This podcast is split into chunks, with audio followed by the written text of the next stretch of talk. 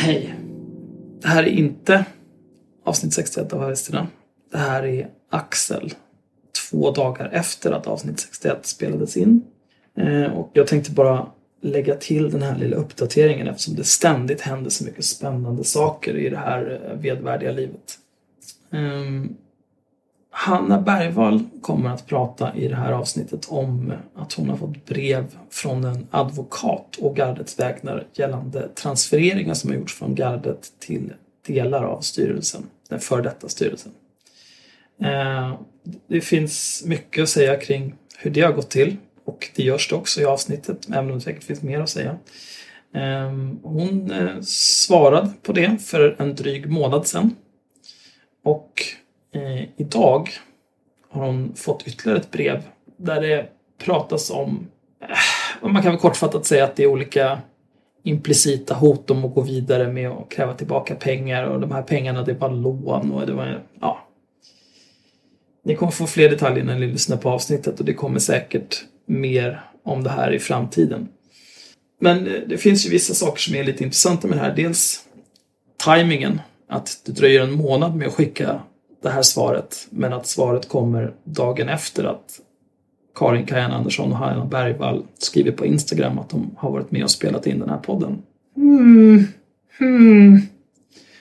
Det kan ju vara en slump också. Eh, men det som är mest eh, vidrigt med det här är ju beteendet i sig. Eh, det kan väl knappast ha undgått någon att jag, jag tycker väldigt mycket om att för väldigt liten ansträngning ta emot andra människors pengar. Det skänker mig enorm glädje. Eh, men den glädjen är som ett, det minsta lilla värmeljus som snabbt dränks i vinden från den orkan av totalt förakt jag känner inför folk som håller på på det här viset. Nyrikt jävla slödder som använder sina pengar för att manipulera och dominera folk de ser som sina fiender. Eh, och är, är, är genomvidrigt beteende. Man kan ju också fråga sig, den här jävla advokaten som har skickat de här breven. Är det Cissi Wallin själv som betalade honom?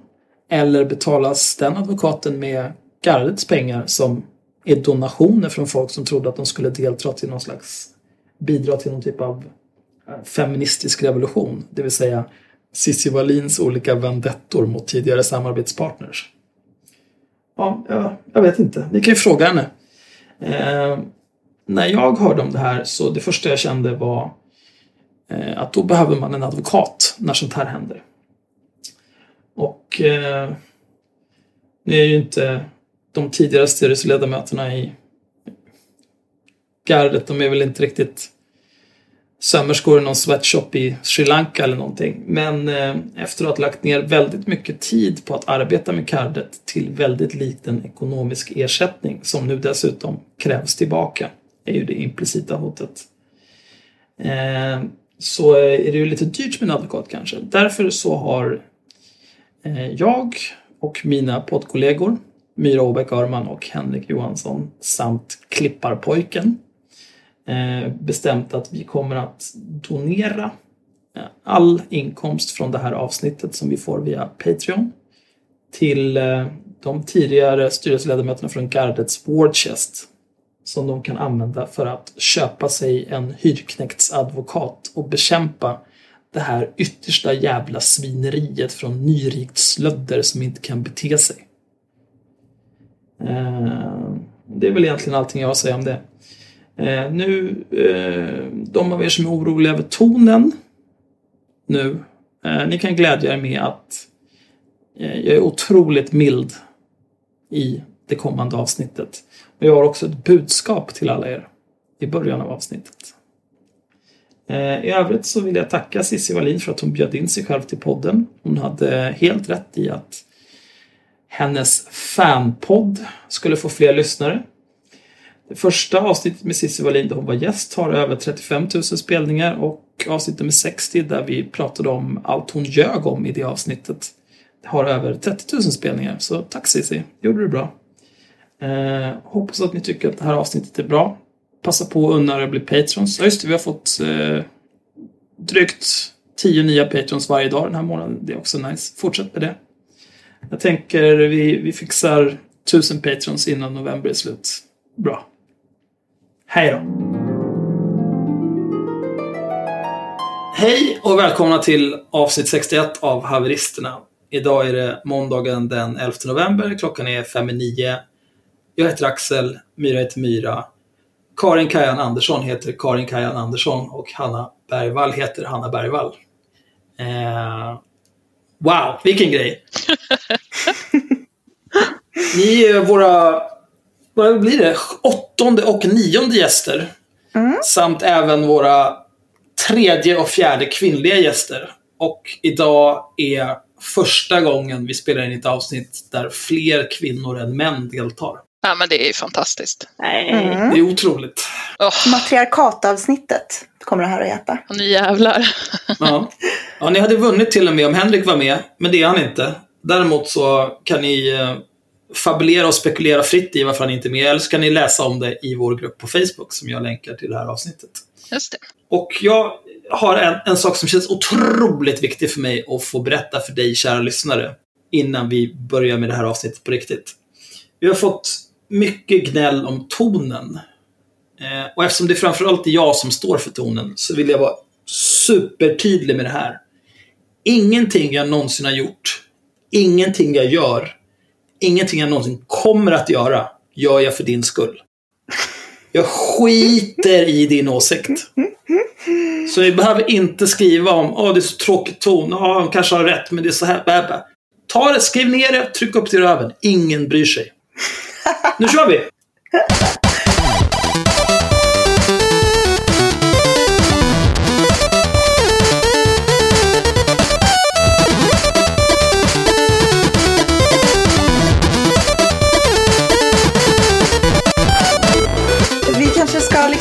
börja med att för de som inte vet mot förmodan vilka ni är, Karin, vill du bli kallad Kajan förresten kanske heller? Alltså nu har jag skrivit in Kajan på, mitt, eh, på vår lilla inspelnings, eh, inspelningsraden här. Så att, för att det inte ska bli förvirrat för mig så säg Kajan. Eller säga vad du vill. Kalla mig Knut om du vill. ja, nej men Kajan och Hanna, eh, vill ni i någon typ av ordnad samlad tropp berätta vilka ni är? Och vad ni gör och, och så vidare. Kör du Hanna. Ja, eh, ja, ja, ja, vad gör jag? Eh, jag instagrammar lite grann, inte så jättemycket. Eller ja, det beror på vad, man, vad som räknas som mycket. Men instagrammar lite. Eh, sen läser jag playlistprogrammet, vilket är min huvudsyssla kan man väl säga. Mm. Eh, och jag är för detta medlem i gardet och har suttit i redaktionen. Så ja, Det var en jättekoncis och bra sammanfattning. Det var du Hanna. Hur, hur långt in i juristutbildningen är du? Eh, Jag läser min näst sista termin. Så ja, det börjar lida mot sitt slut äntligen. Den här helvetesutbildningen. Så ja. Ja, trevligt. Mm. Vet du vad för slags juridik du vill jobba med? ja, just nu är jag i alla fall mest intresserad av brottmål och familjerätt tror jag. Men det verkar inte vara hur lätt, särskilt lätt att få jobb som första jobb där. Så vi får se. Jag har haft lite panik de senaste dagarna och försökt eh, hitta olika annonser det har gått åt helvete. Så att ja, just nu är jag i någon slags här, eh, ja, jag vet inte, vadar i skit, eller badar i skit kanske man säger, av bara motgångar. Så vi får se. Ja, det, är, det är som livet i stort då. Ja, Du får eh, skriva ner ditt CV i ett Google-doc eller någonting så kan vi länka det. Jag vet att det är några giriga advokater och jurister som lyssnar. ja men det låter bra. Ja, men det låter bra. Jag har ju skrivit väldigt mycket om psykisk ohälsa så det känns inte som att det hjälper mitt case direkt. Att här, bara, ah, den här borderline ätstörda bruden, henne vill vi anställa. Ja, nej, vi får se. Men eh, ja, They should. ja, tycker jag. Mm. Kajen då? V- vad gör du? Vem är du? Vad gör du nu för tiden? Eh, Kajan, Karin Kajan heter jag på Instagram. Eh, där jag har ett eh, konto och skriver om eh, kroppsaktivism och feminism och allmänt opinionsbildning. Eh, jag är journalist i grunden. Jobbat med det i cirkus tio år. Eh, och skriver en bok just nu, föreläst en del och har då även varit med i eh, gardet i den ursprungliga styrelsen där jag även blev ansvarig utgivare efter ett tag. Alltså jag måste bara säga Kajan, jag känner att jag vill typ så mycket hellre vara du just nu än mig själv. Din beskrivning låter så mycket mer nice.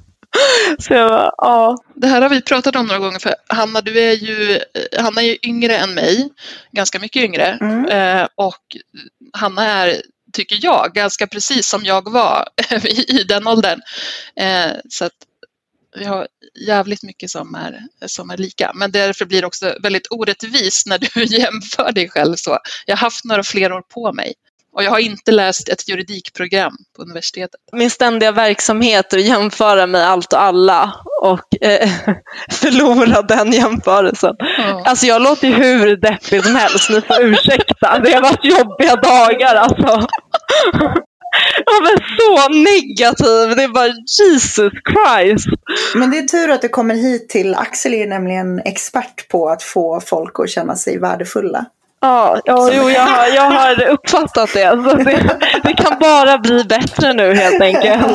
Åh, Gud. Ja, nej, jag, eh, det enda tips jag kan ge dig det är att, eh, ja, som inledningen, eh, vad, vad andra människor tycker, det är Alltså jag kan inte tänka mig någonting som saknar värde så mycket. Nej men det är faktiskt helt sant det där. Det, det, är, det finns en väldigt bra poäng med det. Eh, att bara släppa lite på det. I alla fall när det gäller främlingar. Det är väl en av de grejer som jag är gladast, alltså som gör mig gladast över att åldras. Att jag har insett hur mycket mindre jag bryr mig för varje Mm, år. mm. Om Det låter underbart. Alltså det är Ja. min dröm. Jag vill bara inte Ja. bry mig om någonting. Ja. Det kommer. Men det kommer, det kommer. Ja, det, jag hoppas det. Det är, på, det är på riktigt en sån grej som man bara, efter ett tag så, så börjar man känna att jag är för gammal för den här skiten. Jag orkar inte. Jag orkar inte, jag sover heller. Ja. Man kommer också behöva mycket mer sömn. Det kanske finns någon sorts korrelation där. Jag, vet inte. Gud, det låter som vi är så här 75 nu. jag känner mig som 75. Ja, det är sant. Jag vet inte vad det är. Jag tror att det är allt, allt drama. Nej, men det, jag tänkte att det är väl bra att ni får liksom presentera lite grann eh, vilka ni är i övrigt. Eh, därför att ni är här som i egenskap av före detta medlemmar i gardet och för att prata om den konflikt som uppstod egentligen i och med att eh, Cissi Wallin gästade i podden eh, för ett par avsnitt sedan och hade ju en del eh, att säga om just gardet. Mm. Och då tänkte ju vi såklart att det är ju väldigt orimligt att gardet är ju inte här och kan försvara sig, som de brukar säga i SVT.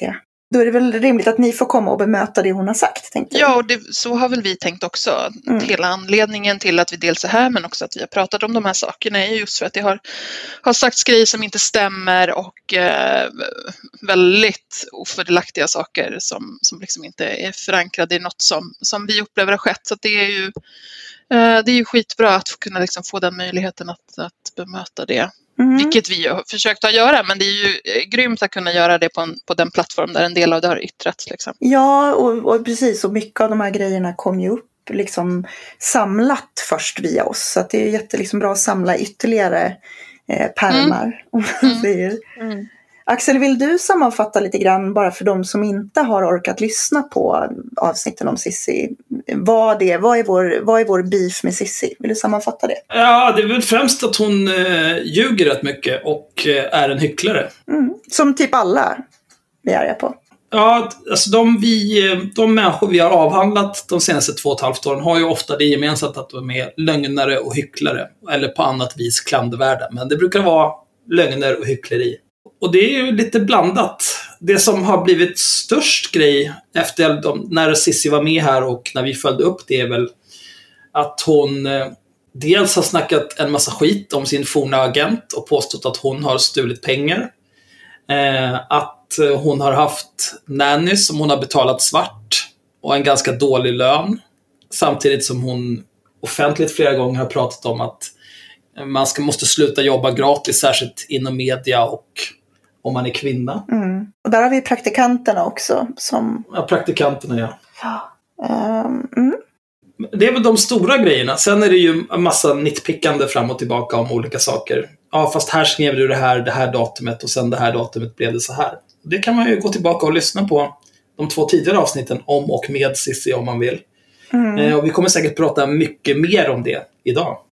Det kan jag tänka mig. Jag tänker också att en, ehm, alltså en, en grej som gör att jag tycker att det är värt att prata om Cissi, det är just eh, att hon verkar ha liksom byggt upp ehm, Alltså att hon verkar ha systematiskt eh, gjort folk förbannade eh, som sen liksom inte har vågat prata om det. De har varit livrädda för henne. Och då tycker jag att det är viktigt att lyssna. Då blir jag så här motvalls och känner att här måste vi in och peta, typ. Ehm, och det märkte vi lite grann när vi började, började prata om saker eh, om henne också. Att det kommer folk till oss och berättar att jo, men jag har varit nanny hos åt henne eh, fast hon sitter och säger att hon inte har nannies och så vidare. Och det tycker jag är intressant. Mm. Ja, det kommer bli magiskt det här. Ja.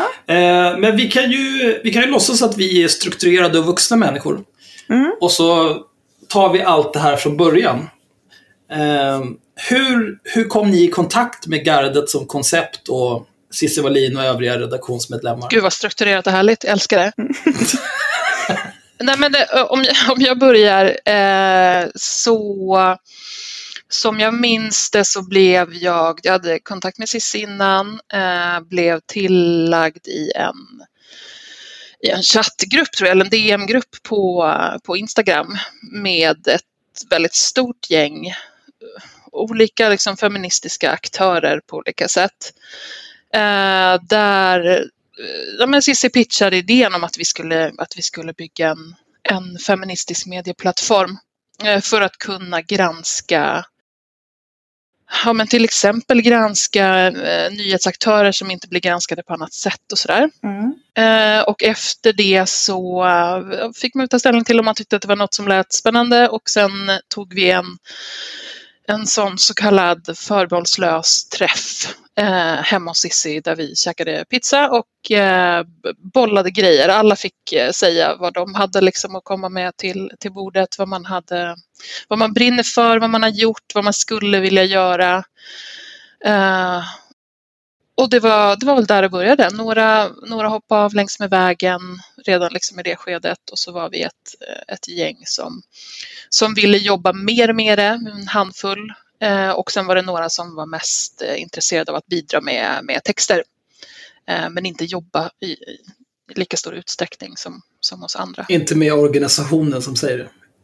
Utan att bara producera. Exakt, och att ha en, en medieplattform innebär ju väldigt mycket ja, men redaktionellt arbete. Det är ju alltså, det är en hemsida som ska byggas, det är texter som ska, eller, ska säga, inte beställas, men bollas fram med skribenten och de ska gås igenom, kollas så att de håller, det ska läggas en struktur på dem, vi ska ha teman, vi ska ja, men sådär, eh, producera olika saker.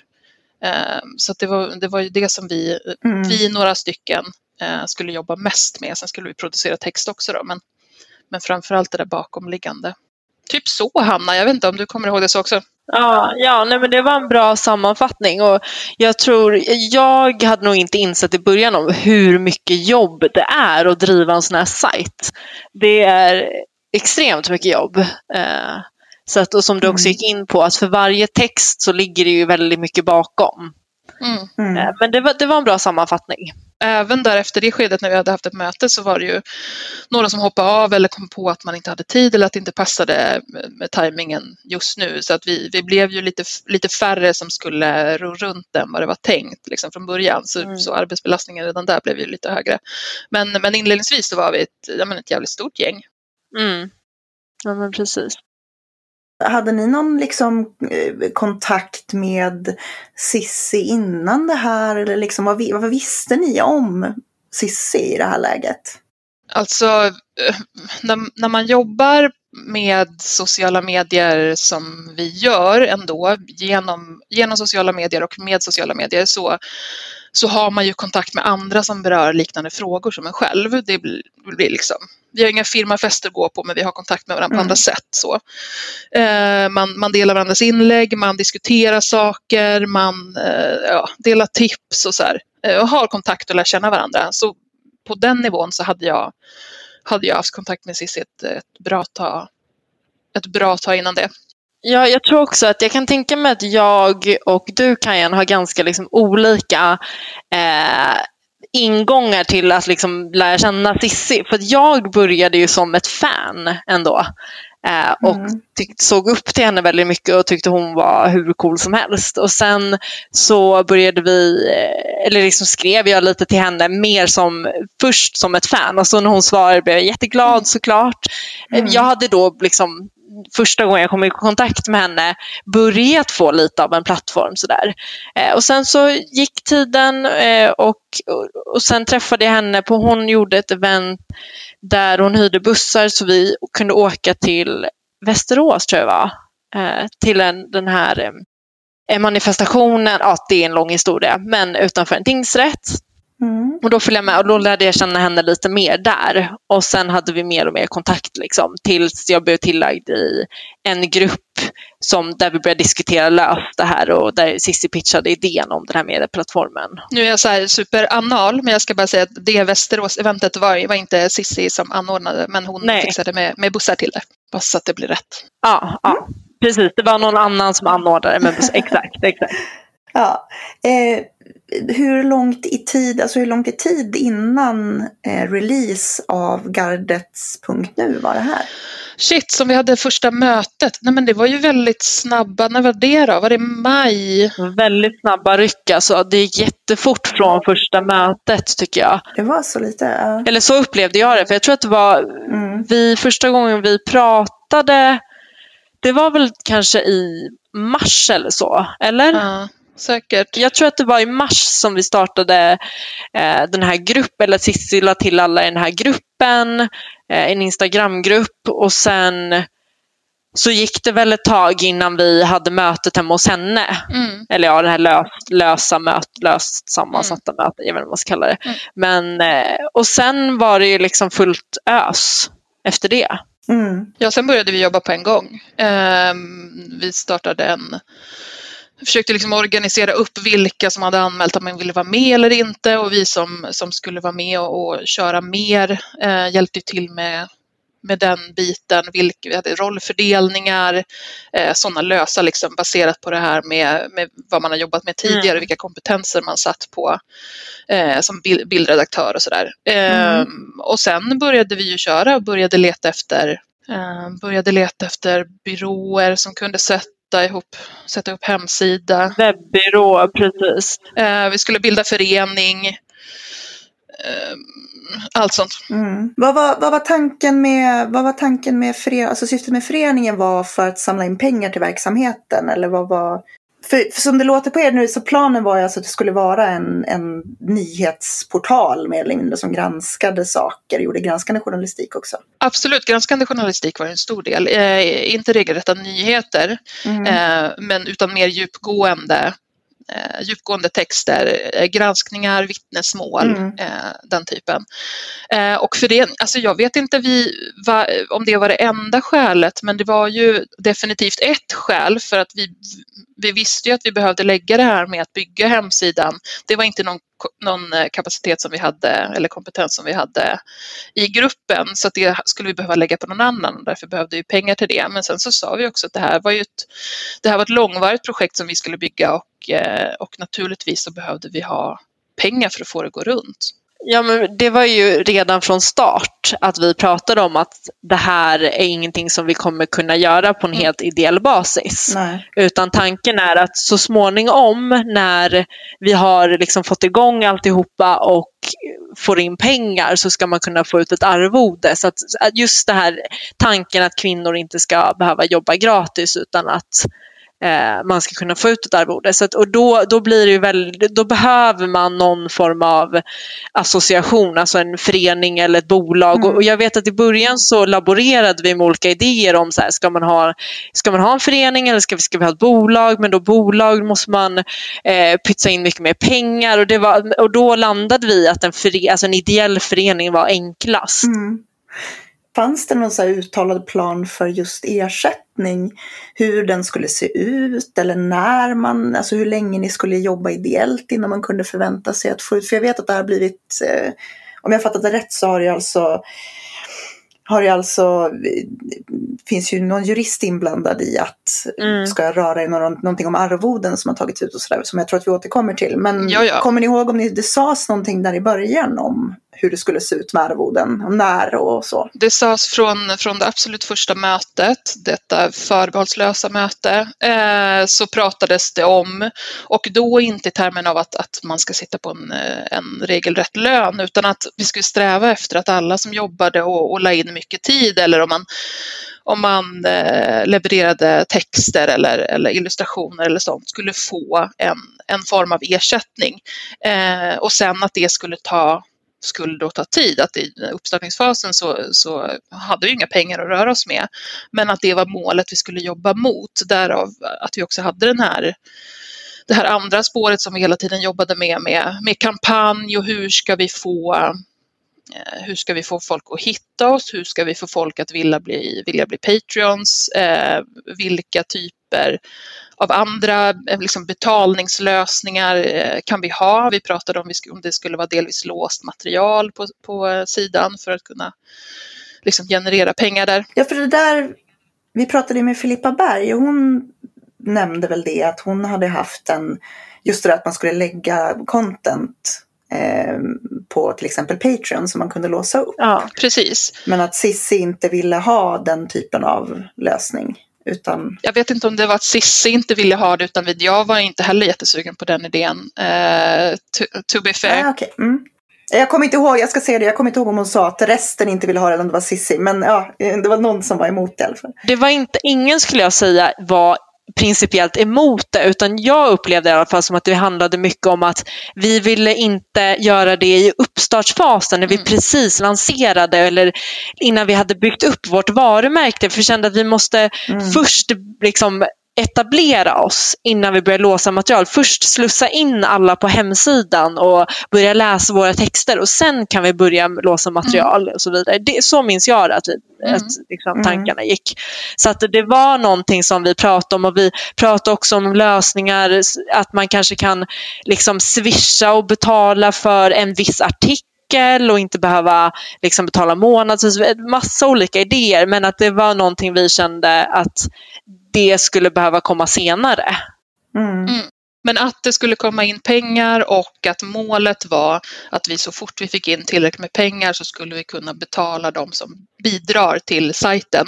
Det, var, det står liksom i det Ja. första, eh, efter det första förbehållslösa mötet så hade vi sen ett, ett årsmöte där vi, där vi liksom bildade föreningen och det står ju med där. Liksom. Ja, Eh, Så det var ju en väldigt tydlig del. ja nej, men det var från start. Mm. Mm, definitivt. För jag minns det, jag bara wow, man kanske kan till och med få betalt för att göra jobb i och med att jag och Kajan och alla vi som håller på med sociala medier i den här formen lägger ner väldigt, väldigt mycket gratis tid. Så att när jag Mm. fick höra att jag kanske skulle kunna få pengar för att skriva artiklar och så. Ja, det glömmer man inte bort om det är någon som säger det. Mm. Nej. Det var så här, jag bara wow, vilken grej. Men det fanns ingen plan liksom uttalad så här, det, det här datumet Nej. så ska vi bestämma eller efter att vi har kommit upp till Nej. så här mycket pengar ska vi börja betala ut. Utan det var, det var ganska löst bara. Alltså grejen var att allting gick så jävla fort. Eh, från att vi startade till att vi hittade så här en, en, en byrå som ville bygga sidan. Eh, Okej, vi ska ta fram en layout. Vem gör det? Vi behöver de här grejerna. Så vi var, så, vi var helt uppe i konstant jobbande med det. Eh, och på något vis så blev det väl uttalat att eftersom att vi inte vet hur det kommer gå så kan vi inte spekulera i i det där med pengar än och vi vet inte vad, vad summorna för allting kommer landa på. Vi vet inte vad, vilka delar vi kommer behöva punga ut för. Eh, så att det där blir någonting som liksom sköts på framtiden hela tiden. Att när vi har fått in tillräckligt med pengar och betalat av de här stora posterna som till hemsidan och, och, och de andra bitarna så, så skulle, liksom, så fort vi hade råd så skulle vi börja, så skulle det prioriteras att lägga pengar på, på oss som jobbade. Mm, mm. Ja men precis. Jag måste fråga, hur mycket, hur, hur mycket kostade hemsidan? Jag, jag minns inte det. Eh, det var mycket pengar. Vi har ju även haft två olika byråer. Ja, det var mycket pengar. Eh, Jag tror inte att det var mycket i liksom, sammanhang vad det brukar kosta. Jag har inte så mycket stor koll på hur mycket det kostar, men, men det vart ju en del. Absolut. Jag vågar liksom inte gissa vad det landar på ens eftersom att just att vi hade en, det byttes byrå eh, väldigt eh, nära in på lanseringen, kanske två veckor innan. Eh, vilket medförde en extra kostnad. Mm, Men mm. skulle jag gissa, fan vågar man det? Ja, jag, alltså nu, nu är det här en gissning. Mellan tummen och knät bara på ett ungefär. Tummen är, ja, men jag skulle säga 150 000 ungefär. 150 tänkte jag också gissa på. Ja. Herregud. Alltså det här tycker jag är så jävla märkligt. Jag måste säga det. Vi pratade ju om i, ehm, var det förra avsnittet kanske? När vi pratade om det här liksom att man, då hade, ju, då hade man ju samlat in pengar. Det var ett annat Cissis projekt och de hade samlat in pengar. Eh, och sen hade allt gått till att betala sån här skit. Eh, istället för att gå till utsatta kvinnor. ja. Och jag känner bara så här, det, sätta upp en Wordpress-sida är typ svinlätt att göra. Att betala 150 000 eh, för att sätta upp en webbsida när man har noll kapital i en ideell förening är så jävla hål i huvudet måste jag säga. Mm.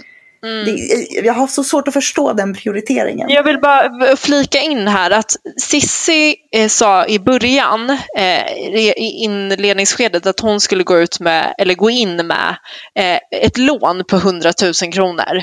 Mm. Eh, och då var tanken att vi skulle använda, låna pengar av henne eh, för att eh, ja, Mm. bygga hemsidan. Så Mm. att det skulle inte vara att de skänk, alltså pengarna som vi, donationerna som skulle användas Nej, nej, i okej, första ja. hand. Men eh, Kaja, nu får du eh, hjälpa mig här så att jag säger rätt. Men som jag, när jag avslutade, eller när jag gick, då eh, så skulle jag, jo men jag tror, jag tror att det är att hon har, då hade hon gått in med 80 000 om jag minns rätt. Nu, jag, jag kan inte säga exakt men jag tror att det var ungefär 80 000 Mm. och resten är då betalt med donerade pengar.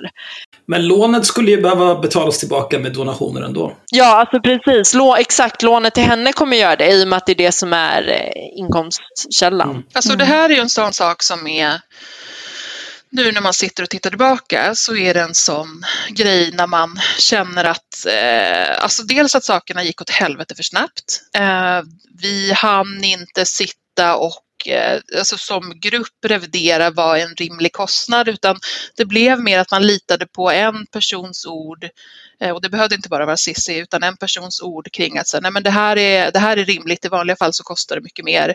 Eh, och då körde vi på det. Mm. Mm.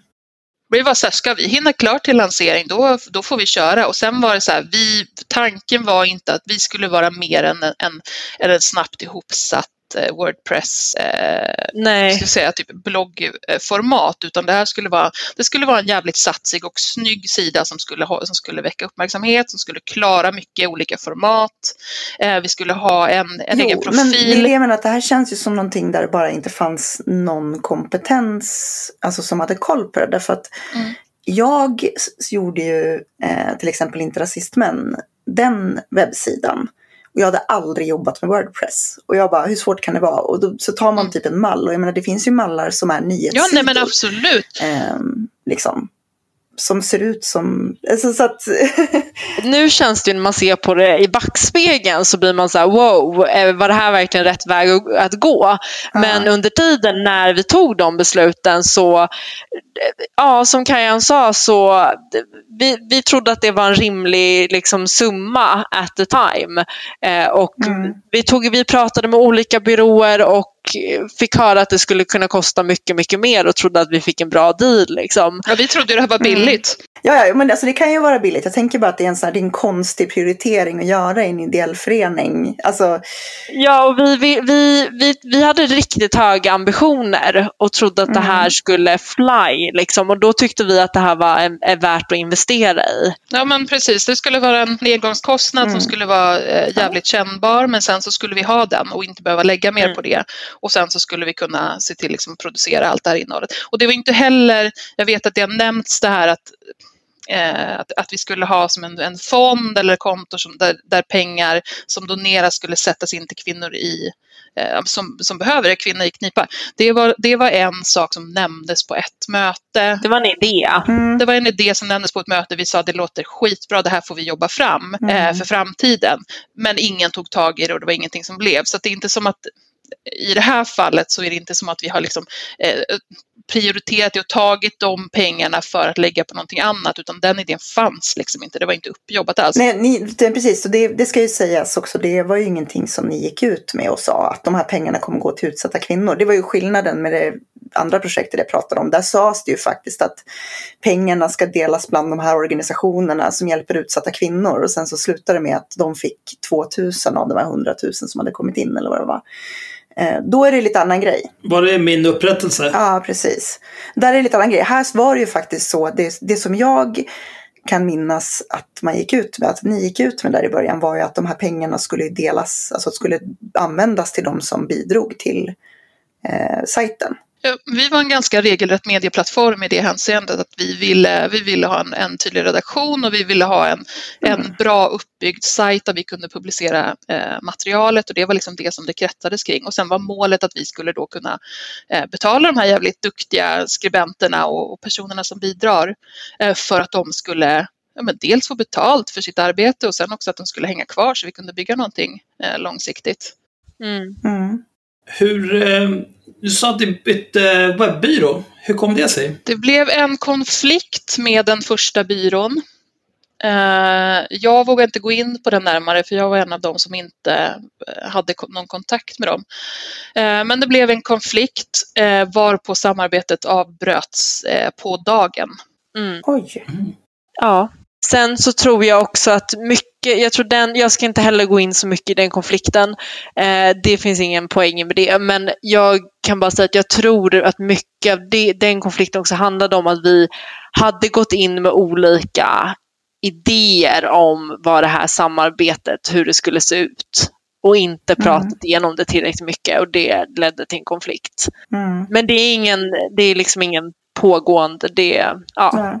Det känns som att eh, från det här första mötet fram till lanseringen så borde det funnits gott om tid att inse att ni kanske borde skjuta på det här. Alltså det är ett av de största, eh, som jag känner, att största felen som jag gjorde, att jag inte drog i handbromsen mer och sa att vi behöver mer tid, det här går för fort, det här är för mycket jobb och för mycket att göra på så kort tid. Och jag, jag förstod inte det då och det, det har jag ju lärt mig nu, big time. Att sånt här tar tid. Det tar tid att bygga en hemsida och det tar tid att eh, hinna göra allting liksom, på ett bra sätt. Också bygga föreningen och allting och tänka ut hur man har en plan för saker. Det tar tid. Och det här var ju också en sån sak som, som de som faktiskt ville stanna upp, mm. vilket var framförallt Hanna och Filippa, som tyckte att det gick för fort och att vi inte skulle hinna med. Ja, eh, var ju också ni som hade mycket kontakt med, alltså ni bar ju mycket av det administrativa och hade mycket kontakt med, med webbyrån och liksom hade ett, ett finger med i precis allting och föreningsskapandet och, eh, och protokoll och allt sånt där. Medan jag var en, jag och Sissi var, var liksom två av dem som tyckte att men vi hinner och vi behöver inte sätta, vi jobbar upp det här i efterhand och vi, kan, vi behöver inte sätta ambitionerna så jävla högt utan då sänker vi dem. Eh, och så gör vi det lättare för oss för ingen ska behöva jobba ihjäl sig utan då tar vi det mm. lite lugnare och så kollar vi på vad hinner vi till det här datumet och så gör vi det. Så att där var det ju en sån, en sån klockren grej där där två personer faktiskt sa till att det här kommer vi inte hinna, vi borde stanna och där, där vi andra skulle ha lyssnat på det. Jag känner också att Filippa sa det här eh, nästan liksom på, på, långt tidigare än vad jag insåg. Jag borde ha lyssnat på henne snabbare. Att så här, hon sa att det här, det här är för stressigt, det här kommer inte vi hinna, det blir hafsigt. Liksom. Sen sköt vi upp datumet en gång. Ja. Jag tänker att Filippa borde ha varit den som kanske hade mest erfarenhet av liksom, redaktionell verksamhet. Hon har väl varit chefredaktör på... Ja, jag har jobbat en del på redaktion också. Det jag inte kände där som, som var Filippas linje, som jag kanske inte höll med om och som vi diskuterade fram och tillbaka, var att Filippa hade ett, ett annat eh, anspråk på, på produktionen än vad jag tyckte att vi behövde. Eh, där det handlar mer om att pumpa ut kanske tre, fyra texter eller grejer per dag. Mm. Eh, där jag inte hade den bilden av att, att det var liksom tanken att vi skulle, mm. vad vi skulle göra utan att vi snarare skulle ha de här djupgående grejerna som fick ta lite tid och att det inte måste hända någonting eh, på sajten hela tiden och sådär. Eh, så därför tyckte jag att vi kunde snarare bromsa liksom på, på ambitionerna eh, med det. Men det är ju också bara en grej som visar tydligt att vi gick in i det med olika, olika bild av vad produkten skulle vara för något. Ja. Mm. Ja, och det känns ju framförallt tycker jag som någonting som man, man skulle ha pausat för. Om det liksom fanns så olika bild av, olika bild av vad det här skulle vara. Ja, Eh, ja helt absolut. Absolut. För det är klart att det kommer att bli ett totalt jävla kaos om alla rusar mot olika mål. Sen tror jag att det blev så också i och med att Filippa tog upp det här med, med pengarna Mm. där hon hade ett, som hon har pratat om själv, ett annat anspråk på en, på en mer liksom regelrätt eh, heltidslön. Eh, så blev det mer tydligt där att vi hade väldigt olika, Mm. olika bild av vad som hade sagts. Där de flesta av oss andra inte där vi tyckte att det hade varit klart från början att det vi, vi har pratat om, om ett arvode men inte någon regelrätt liksom heltidslön för att vi har helt enkelt inte pengarna till det och det, blir, det, det är inte bra för någon att lova ut det när vi inte vet hur mycket pengar som kommer komma in. Eh, men, men det var ju en sån sak och då blev det väldigt tydligt att vi, att vi såg olika på Mm. det och jag tror att det blev så att eh, Filippa liksom fick bära lite hundhuvud av det då eh, så att resten sopades under mattan lite. Eller för min del kan jag tänka att det blev så att ja, men okej, det kanske var Filippa som, som hade en annan bild av det här med pengarna och sånt och så valde hon att hoppa av och då, eh, då körde man vidare. Liksom. Mm. Ja, för det är också så här med tanke på jag, jag var ju väldigt mycket på Filippas linje i början och med tanke på hur, hur vår, jag, jag och Filippas vision i början om hur mycket jobb det skulle vara så var det ju också rimligt att så här, då behöver man en heltidslön. Mm. Men det var ju redan där det började skära sig och bli fel. Eh, Det här med ambitionsnivån. Mm. Eh, Så att det, ja. Men för Filippa var den första som, som hoppade av. För sen började ju, ni lanserade ju eh, med pompa och ståt Mm. sådär och släppte ett par, ganska mycket texter eh, Mm. i början. Och vad hände sen? När började det liksom knaka i fogarna? I, alltså det låter som att det har knakat i fogarna hela tiden, men när började liksom verkligen eh, saker falla sönder? Förfallet. Alltså jag vet inte om jag uppfattar det som att det knakar i fogarna så här, utan vi, vi jobbade ju på som, alltså så inåt helvete. Vi jobbade helt sjukt mycket. Mm. Vi hade möten i princip en gång i veckan. Jag åkte in till Stockholm och träffade de andra och vi satt på kontoret där och jobbade. Och sen Mm. var det ju dels alltså att vi var totalt eh, alltså konstant tillgängliga i liksom, vårt kommunikationsforum och hela tiden bollade grejer och la in saker och, och jobbade fram och beställde texter och vi producerade texter och vi ja, vi satt och utformade liksom, mallar för allting och så här. Eh, så att, Mm. stressen över det blev ju också en sån sak som användes lite som en ursäkt när det då började bli lite mer friktion. Att så här, okej, men vi är trötta, vi har jobbat jävligt hårt. Eh, det är inte konstigt att det blir så här, alla behöver lite ledigt. Eh, men Mm. men alltså för mig, så det har jag ju skrivit om öppet också, det, det absolut störst, stora problemet kom ju när, när vi gjorde en namnpublicering som vi inte, som inte hade stämts av med resten av gruppen. Där namnpubliceringen ändå var någonting, dels var det någonting som hade kommunicerats ut ganska mycket att det skulle kunna förekomma, så det var en ganska laddad punkt. Eh, vi hade också pratat om det väldigt mycket internt, hur vi skulle förhålla oss till det, att det alltid skulle stämmas av väldigt Mm. noga på vilka grunder det skulle göras. Det ska alltid finnas en tydlig motivering. Eh, och, och när det inte skedde eh, och det var väldigt svårt att Mm. säga, eh, försöka släcka den branden på något vis. Men vi pratar om den här 16-åringen nu, antar jag. Ja, exakt. Ja, precis. Precis. En, en 16-åring som skrev ett, Ganska otrevligt mejl. precis, ett mindre trevligt mejl till eh, redaktionsmejlen. Mm. Eh, och då där hans, eh, hans e-mailadress och eh, namn och förnamn och efternamn eh, lades upp på Instagram. Mm. Efter den biten är snarare inte just kanske att det hände, för, för missar kan liksom alla göra, men, men hur friktionerna och motståndet och, och sättet när vi skulle försöka lösa det här på tror jag visade mer, mer sprickor än, eh, än vad jag hade trott fanns där innan, vilket gjorde att det kändes jävligt eh, svårjobbat. I en sån grej så är det eh, sjukt viktigt att kunna liksom gå, gå ihop och ha en handlingsplan eh, och vara väldigt eniga med hur man ska hantera saker och verkligen göra som en grupp eh, för att alla ska känna sig, ja, alltså jag var ju ansvarig utgivare då också så det kändes ju såklart extra, extra viktigt. Ja, ja, det var ju extra touchy för dig liksom. Ja, precis. Ja, för jag har en fråga om den där med 16-åringen. För att jag skrev ju om, skrev ju om, jag vet inte jo jag skrev om det också. Eh, jag skrev specifikt om den händelsen liksom. ehm, I en text. Mm. Ehm, därför att jag tyckte att det var ett väldigt, att det var, det är en väldigt farlig väg att gå liksom. Eh, och jag vet ju att ni fick också, jag tror att det var Lisa Magnusson som skrev och, och när, när Cissi hade gått ut och sagt att ni skulle kunna tänka er att namnpublicera folk så tror jag att det var Lisa Magnusson som gick ut och skrev att ni var liksom feminismens avpixlat eller något sånt där. Det stämmer. Mm. Ja, så att jag förstår att det var, det var ju en ganska eh, laddad fråga, precis som du säger. Och jag tyckte att det här där med namnpubliceringen skulle jag vilja fråga lite mer om. Därför att jag eh, såg ju den där och tyckte att det var helt jävla orimligt. Eh, både för att Mm. det här är en helt okänd människa.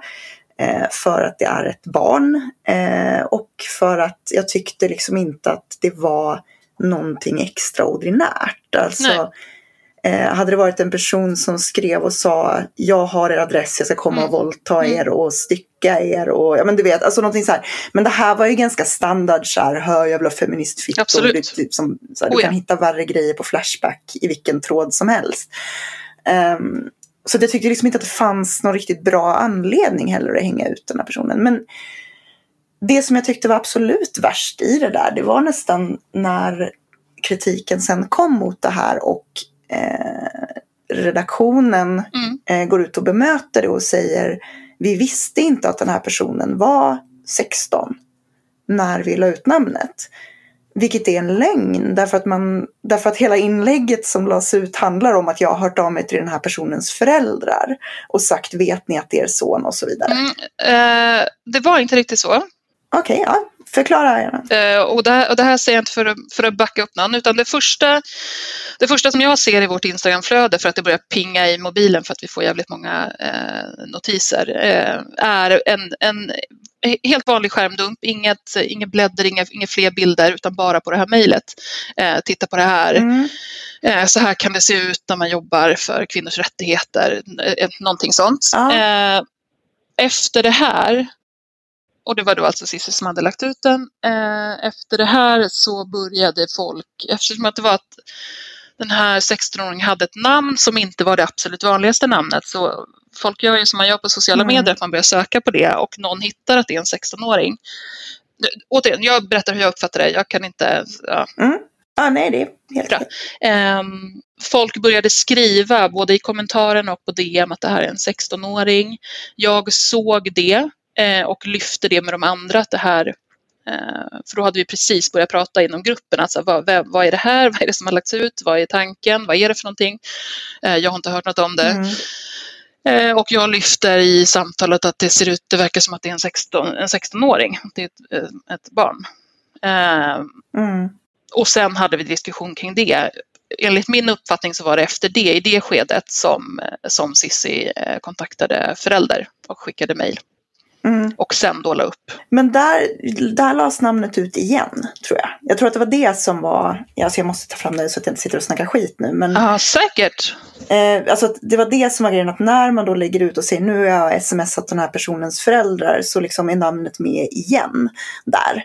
Och då blir det konstigt att gå ut sen och säga att jag visste inte att den här var... Då visste man ju bevisligen att den här personen var 16, i alla fall vid andra namnpubliceringar. Absolut. Eh, men, Eh, och, och det här var liksom Ja. återigen någonting som, som faktiskt vi andra satt och kollade på i realtid i Instagramflödet som, som alla andra. Ja, det var inget beslut. Eh, Det hände grejer hela tiden. Det lades upp nya grejer, det kommenterades liksom under mig i kommentarstrådarna med Gardes namn eh, där vi liksom försökte få stopp på situationen. Vi hade ingen aning om vad det var som hände eller vad som kom upp. Alltså det var ju en, en, en så här organisatorisk katastrof. Ehm, ja. där vi till slut fick, och det tror jag nästan var genom att Instagram plockade bort det, eh, plockade bort inlägget, Mm. där det till slut var så här, okej, ingen jävel lägger upp något mer, alltså gör ingenting. Sitt på händerna, vi måste, nu är det damage control. Mm, mm. Mm. Eh, som vi jobbade med då. Alltså den natten vet jag att jag satt uppe hela natten och försökte, Ja. försökte alltså dels besvara kommentarer, eh, försökte kolla vad det handlade om, försökte titta, försöka hi- lokalisera det här mejlet och kolla vad mer, vilken mer information man kunde få ut. Alltså, ja. Mm. Det var en total kris. Och inte, Mm. särskilt, liksom, inte särskilt god stämning inom gruppen heller. Nej, nej, inte överhuvudtaget. Men hur liksom, för jag tänker att du hade ju precis blivit ansvarig utgivare då. Mm. Om jag minns rätt. Mm. Ehm, hur, för du, du sa att det var Cissi som postade där liksom. Vad händer då när du som ansvarig utgivare eh, som ändå är den som kan få ta skiten om det här hade blivit någonting nu. Eh, hur, hur blev reaktionen på att du ställde dig emot det? Eh, nej, men det var ju det, precis som jag sa för en stund sedan, så var det ju det som, som ska vi säga, inom gruppen blev det riktigt stora problemet, att det var väldigt svårt att hantera det internt också. Där jag sa att jag är gärna Mm. ansvarig utgivare, jag har tagit på mig den rollen och vet vad det innebär.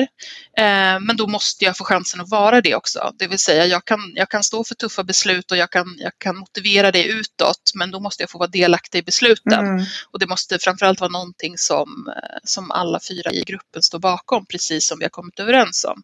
Eh, annars kan jag inte vara det. Eh, Mm. och, och reaktionen på det var väl helt enkelt att om, ja, men om det är så jobbigt att vara ansvarig utgivare så kan jag vara det. Så. Ja, okej. Ja, det är ett sätt att lösa det på.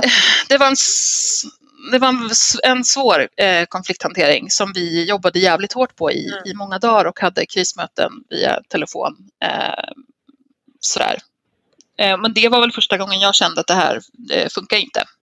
Nej. Sen kom vi ju ändå överens om att vi skulle köra på.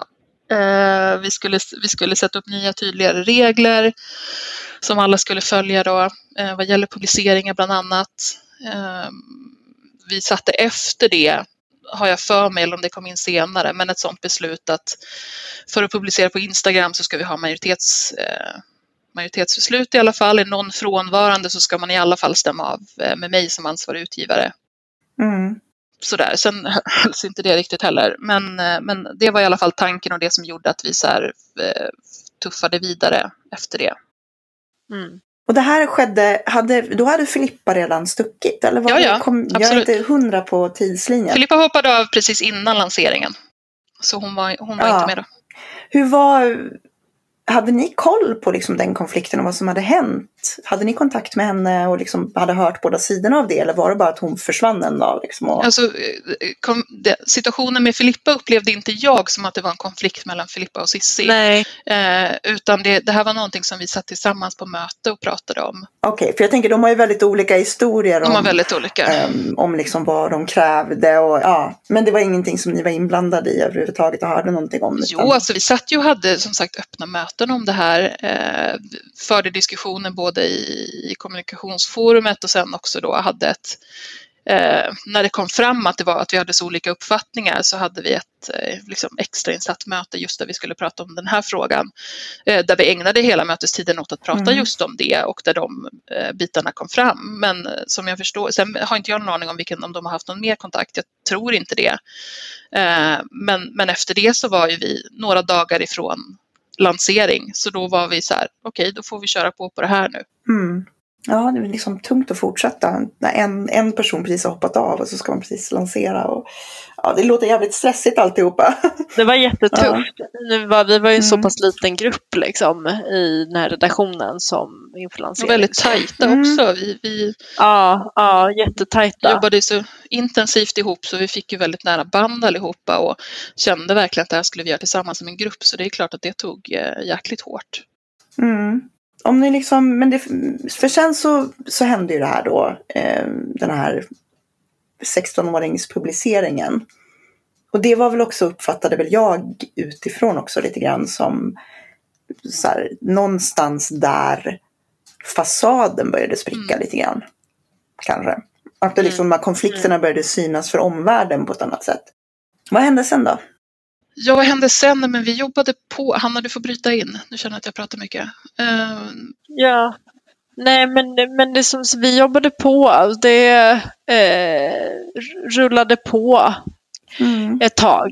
Eh, och jag vet att vi drog ner lite på takten och inte publicera varje dag utan först vart det varannan dag. Eh, och tanken var då att vi skulle dra ner under takten under sommaren. Eh, Mm. För det minns jag att ni kommunicerade eller svarade någonstans på frågan. Mm. nu försöker jag minnas, vi hade jag tror inte att det var i samband med 16-åringen, men jag vet att vi hade en annan, någon, en annan konflikt där vi då bestämde att så här, okej, nu tar vi en veckas paus och är lediga en vecka. Och det var nog mycket det att vi skyllde då på att vi var utarbetade och trötta. Mm. Ja, jag vet inte. Det var en ohållbar situation att jobba så mycket eh, också. Mm. ja, men det precis. Ska- Om ni kan uppskatta hur mycket, hur mycket tid la ni Oj, ungefär? herregud. Eh, Alltså, ja det är svårt. Vi var ju som, som Kajan sa innan så var vi ju alltid tillgängliga. Eh, vi använde Slack eh, och eh, ja men att ja, alltid tillgängliga och höll på att skriva och stämma av allting och så. Ja, men det var ju vi, vi började ju kommunicera vid, alltså vid åtta på morgonen eller tidigare eh, och, och slutade vid kanske tolv. Eh, sen är det klart att vi inte satt och jobbade konstant hela den tiden, men då var liksom arbetet eh, igång så, och fortlöpte. Eh, så att jag som jobbade un, liksom i alla fall under hela sommaren kunde ju inte, det är jävligt svårt att uppskatta i tid, men jag kunde ju inte ta några andra jobb Nej. som, som är med, alltså mitt, mitt dagliga arbete eh, med att liksom producera texter för, för andra uppdragsgivare och sånt. Jag kunde ju inte ta några jobb så att jag, för mig var det ju ändå en heltids eh, tjänst. Mm. Det var det som var lite min fråga. Att, eh, det låter som att ni har lagt enormt mycket jobb på det här och det är ju, gör ju att liksom någonting annat blir en annan inkomst kan ju bli lidande för det. Liksom. Oh ja. Ja, definitivt. Mm. Eller studier i ditt fall då, eller ja, nu är Ja. det sommar men ja. Ja, men precis. Men det, och det var det jag tänkte under tiden också. Att så här, nu under sommaren så funkar det ju för mig.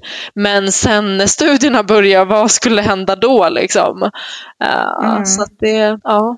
För det var ju en av de grejer som jag eh, tog upp med Sissi när hon var med. Att, eh, just, jag tror att Axel pratade om det också möjligen. Eh, att det är ett privilegium att ha en ekonomisk stabilitet som gör att man, man kan lägga i deltid i den Oh här ja. utsträckningen. Definitivt. Eh, och, och det är ju få förunnat. Eh, så. Och jag, jag vet inte om, min, min antydan var väl att, att Cissi kanske inte riktigt eh, tänkte på det utan hon tyckte att alla ska kunna lägga lika mycket tid som jag.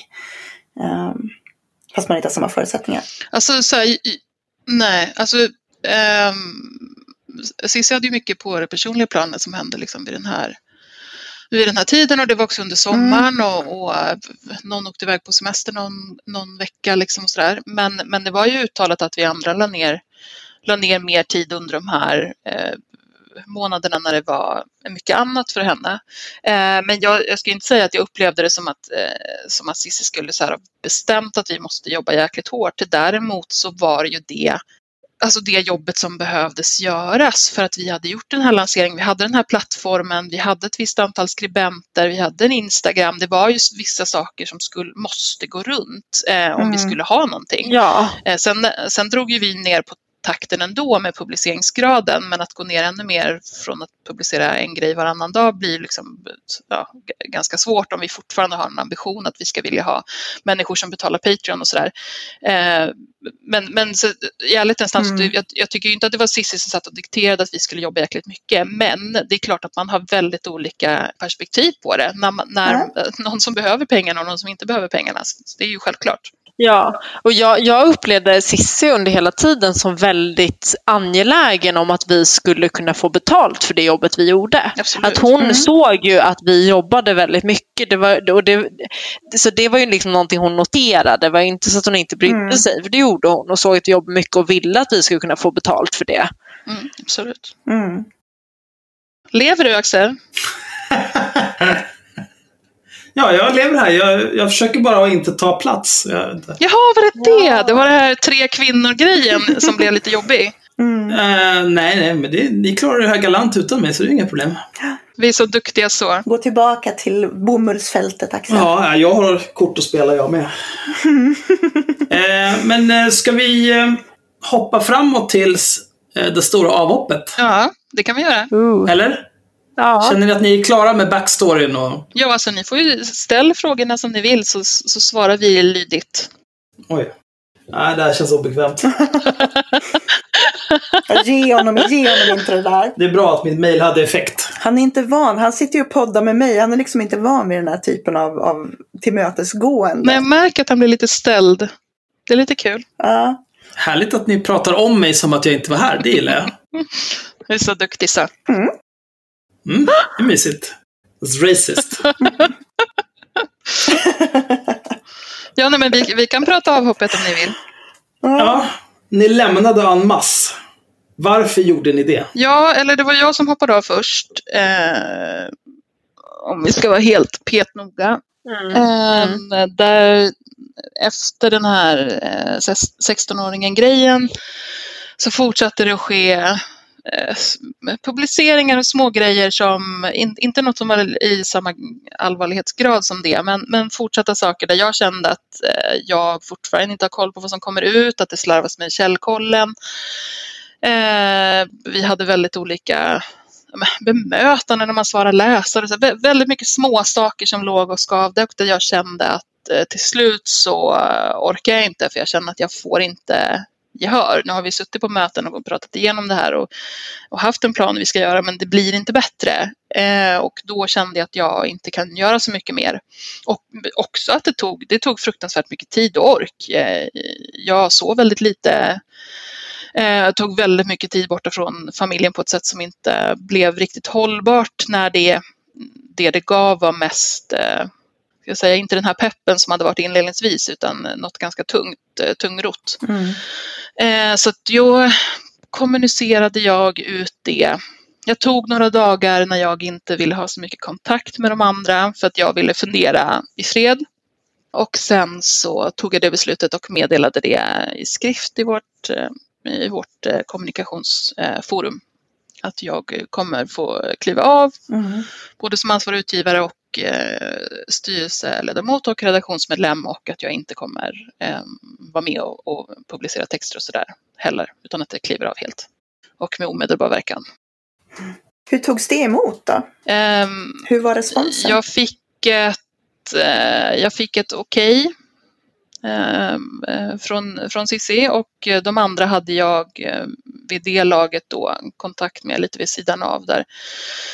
Ja, men helt enkelt att, att de ringde upp för att höra om jag var okej sådär och hur jag mådde och, ehm, och jag ställde frågan tillbaka så att där, mm. där pratade vi ju vi gör mer, men i vårt kommunikationsforum så var det det, ett, ett okej okay och sen ett frågor om om jag kunde vara behjälplig med att skicka in papper till nya ansvariga utgivare, sånt praktiska frågor. Eh, där jag väl helt enkelt sa att jag, mm. mycket av den där, de där praktiska bitarna kunde jag inte göra därför att det handlar om signaturer och grejer. Eh, så jag kommunicerade väl det att det inte var något jag liksom kunde vara mm. behjälplig med så. Och sen kom det då en diskussion med hur det här skulle kommuniceras utåt. Eh, och det var en diskussion mellan mig och Cissi, de andra var inte delaktiga i den även fast den skedde öppet så. Um, där jag helt enkelt fick frågor om vad jag skulle. Först var det mer eh, sades det att det, det, är bra om, om vi håller enad front eh, för kampen och så. Som hade sagts ganska många gånger innan också, vilket ju vi mm. alltså, jobbade efter väldigt, väldigt länge. Um, Mm. Ja men och, och, helt enkelt att så här, vad, eh, man, kan, det är ju lätt, man kan ju säga att det handlar om tidsbrist eller personliga skäl eller så. Och då sa jag, alltså det här är ju mitt jag jobbar ju med de här sakerna annars också. Jag, eh, jag jobbar ju för uppdragsgivare och skriver texter och eh, för mig personligen så är det ju eh, ingenting jag vinner på att man kommunicerar ut att jag typ har missbedömt eh, tidsåtgången för ett jobb så att jag måste hoppa av det. Eh, eller att jag Nej. backar ur det för några så här tvivelaktiga orsaker. Så det gjorde jag klart att det kommer jag inte, det kommer jag inte säga. Jag kommer inte, säga, jag kommer inte ljuga liksom och säga att jag hoppar av på grund av tidsbrist för att det är ju inte på grund av tidsbrist. Eh, och fick då frågor om vad jag skulle säga och jag sa att jag inte kunde svara på det. Och sen blev den diskussionen mer, eh, mer laddad eh, för att jag ansågs vara besvärlig, eh, tror jag, och eh, osolidarisk. Mm. För att du sa att du skulle, alltså då, när du hoppade av, förklara att det hade med man brukar säga creative differences eller konflikter eller?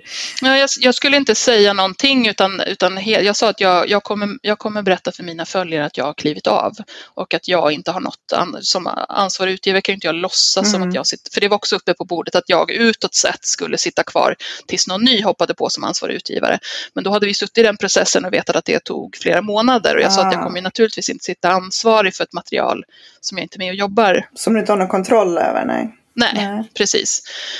Um, nej men och då sågs jag nog som, som ganska besvärlig då för att jag sa att jag kommer berätta för mina följare att, att jag hoppat av och inte har med gardet att göra uh, mer. För det, tänk, det, för mig är det väldigt viktigt att vara tydlig med. Uh, där då nej men upplevde jag att Cissi Mm. tog det som att jag skulle eh, skrika från, från fönstret att vi har massor med konflikter och att kvinnor inte kan jobba ihop. Eh, typ så, vilket jag naturligtvis inte hade, inte hade sagt. Mm. Eh, men där hon också fick in ett, som jag också har skrivit om, ett, eh, ja, men ett mer eller mindre hot med att så här, ska, jag, ska jag behöva gå ut offentligt och, eh, och berätta hur dålig du, dåligt du har skött det här eller något sånt liknande. Där jag var så här, du, jag, kan, jag kan inte styra över vad du skriver, så vill du skriva det, skriv vad du vill på ditt konto så kommer jag skriva vad jag vill på mitt. Så. Och där var det väl igång. Mm. Ja, det var någonting jag tänkte på under det där. Att, eh, jag, var, jag var lite bitter över att du inte ville berätta varför. Man förstår det. För att jag var intresserad av att läsa skvaller. Ja, precis. För du, det var ju inte så att du gick ut och sa att det hade varit en konflikt eller sådär. Nej. Eh, från, till en början. Jag vet till och med att jag mötte en gammal journalistkollega från eh, ja, lokaltidningen i Uppsala. Eh, mötte på, bara utanför mitt hus här på grannskapet. Där, direkt efter det här där han frågade och försökte liksom luska. Och där jag till och med var med att nej, men det, det tar ju jävligt mycket tid att åka till Stockholm och så här. Där jag faktiskt liksom backade upp det mer och var så här, men jag har ju boken och jag måste Mm det här var ju den sommaren när jag, skulle, jag hade fått bokkontrakt och jag skulle ta sommaren till att skriva boken, vilket jag ju inte hann. Eh, och det så här, jag, jag har en hel bok att skriva nu på några månader så att jag måste, jag måste göra det. Så att jag var ju verkligen inte, jag pratade inte om, om några andra orsaker så. Nej. Hur, hur hade du tänkt hinna med boken om du hade varit kvar på gardet? Jag tänkte jag skulle lösa det. Famous last words. Ja, verkligen. Nej, men jag hade faktiskt, jag hade till och med en doula-utbildning under sommaren, eh, på en så här intensivutbildning Det har inte jag hört om. Oj. Är det sant? Ja, jag skulle bli doula, men eh, den eh, hoppade jag av i alla fall, avbokade den. För att jag kom på att jag inte skulle hinna någonting. Nej, men jag skriver snabbt, tänkte. Ja, ja, ja, ja. Det blir nog bra det där. Den är klar nu så att det är lugnt. Mm. I did it. Du, ska få, du ska få pitcha, du ska få eh, göra reklam för den sen innan vi slutar. Åh, underbart. Eh, men Hanna då, vill du berätta, hur, vad hände med dig? Ja, Eh, vi kan, vi kan eh, ta avstamp i det där, de här orden som, eller i den här konflikten, eller inte, jag vet inte vad jag ska kalla det, men eh, meningsutbytet som sen blev efter att Kajan sagt okej, jag kan inte fortsätta, jag kommer hoppa av. Och där då Sissi skrev, eh, formulerade eh, svaret, Kajan då som inte ville eh, skylla det på tids, eh, att det tog för mycket tid och så vidare Mm. då, jag uppfattade också det som ett hot av Sissi. Eh, Och Mm. då ringde jag upp Sissi och sa att det här, det här behöver du ta ner, för det här är inte okej. Ta ner det du skrev nu, för det här, ja, det är inte okej helt enkelt. Eh, och det sa hon att inte, det ville hon inte göra och då sa jag att du skadar min och din, alltså min och Sissis relation, våran relation skadas av att du skriver så här till Kajan för att jag kan inte lita på dig då. Eh, för Mm. nästa gång så kommer det, liksom, tänk om det är jag. Och då, då var hennes svar att eh, nej men eh, det behöver du inte vara orolig för Hanna, för du skulle aldrig göra så här. Mm. Och jag, där brast det för mig egentligen helt. För då kände jag att nu, jag hade inget förtroende kvar och det har jag sagt till Cissi att det går liksom inte att jobba när man inte känner något förtroende. Eh, Och då låg jag vaken typ halva natten eh, och sen på morgonen så eh, beslutade jag för att nej, jag måste också kliva av för det här är helt ohållbart. Mm. Så så var det. Härligt. Det säger ju en del om en, alltså, om en person. Eh, hur de hanterar sådana som inte vill göra som de, som de vill. Liksom. Ja, men och det här är väl förklaringen till att saker och ting eh, eskalerade och har blivit så, alltså, ändå alltså, i min värld jävligt smutsiga och, och jobbiga och dränerande som de har blivit. Att, eh, som vi Mm. upplevde det så, eh, jag tyckte under väldigt lång tid att Cissi och jag jobbat, jobbat otroligt bra eh, ihop. Eh, förstod varandra väldigt bra, kompletterade varandra väldigt bra. Cissi är en otroligt bra liksom, Mm. idéspruta och jag kanske mer hade förmågan att så här, fånga upp och strukturera eh, vissa saker. Definitivt. Men däremot när det började bli konflikter, det började, eller inte konflikter men meningsskiljaktigheter, när man inte höll med eller kritiserade eller, eller gjorde något annat så eskalerade det väldigt, Mm. väldigt fort till att man blev en, alltså brist på bättre ord, fiende. Eh, och sen var det, då är, det, är, man, är, man, är man fast i det fiendehörnet så är det jävligt svårt att ta, liksom, ta det vidare därifrån. Ja. Eh, för att allt man gör eh, tolkas som, som påhopp eller angrepp. Mm. Eh, så vi hade ju, det var diskussioner på i vårt kommunikationsforum i, i några dagar eller någon vecka efter det där som var, när jag läst, läste i efterhand efter någon vecka så inte trevliga saker liksom.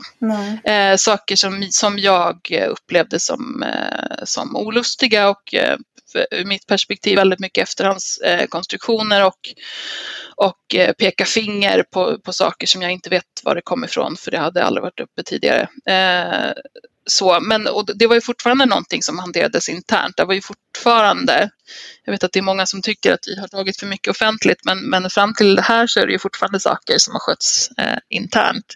Det som förändrade det sen var ju när det fortsatte att komma utåt kommentarer eh, om oss som hade hoppat av, om oss som grupp, eh, om hur styrelsen var Det tidigare. var mycket subtweetande eh, där ett tag. Mycket sånt. Mm. Eh, Det var, det var, vi, vi var barnsjukdomar och det är något som alla projekt går igenom och vi var sådana som inte kan hantera eh, eh, olikheter eller meningsskiljaktigheter, att vi inte kan fokusera på kampen som är så viktig och sådär. Mm. Mycket sådana grejer som, som gled förbi tills, tills jag kände att det här inte jag skulle inte ta det här i något annat sammanhang och jag vet inte varför jag ska behöva ta det nu.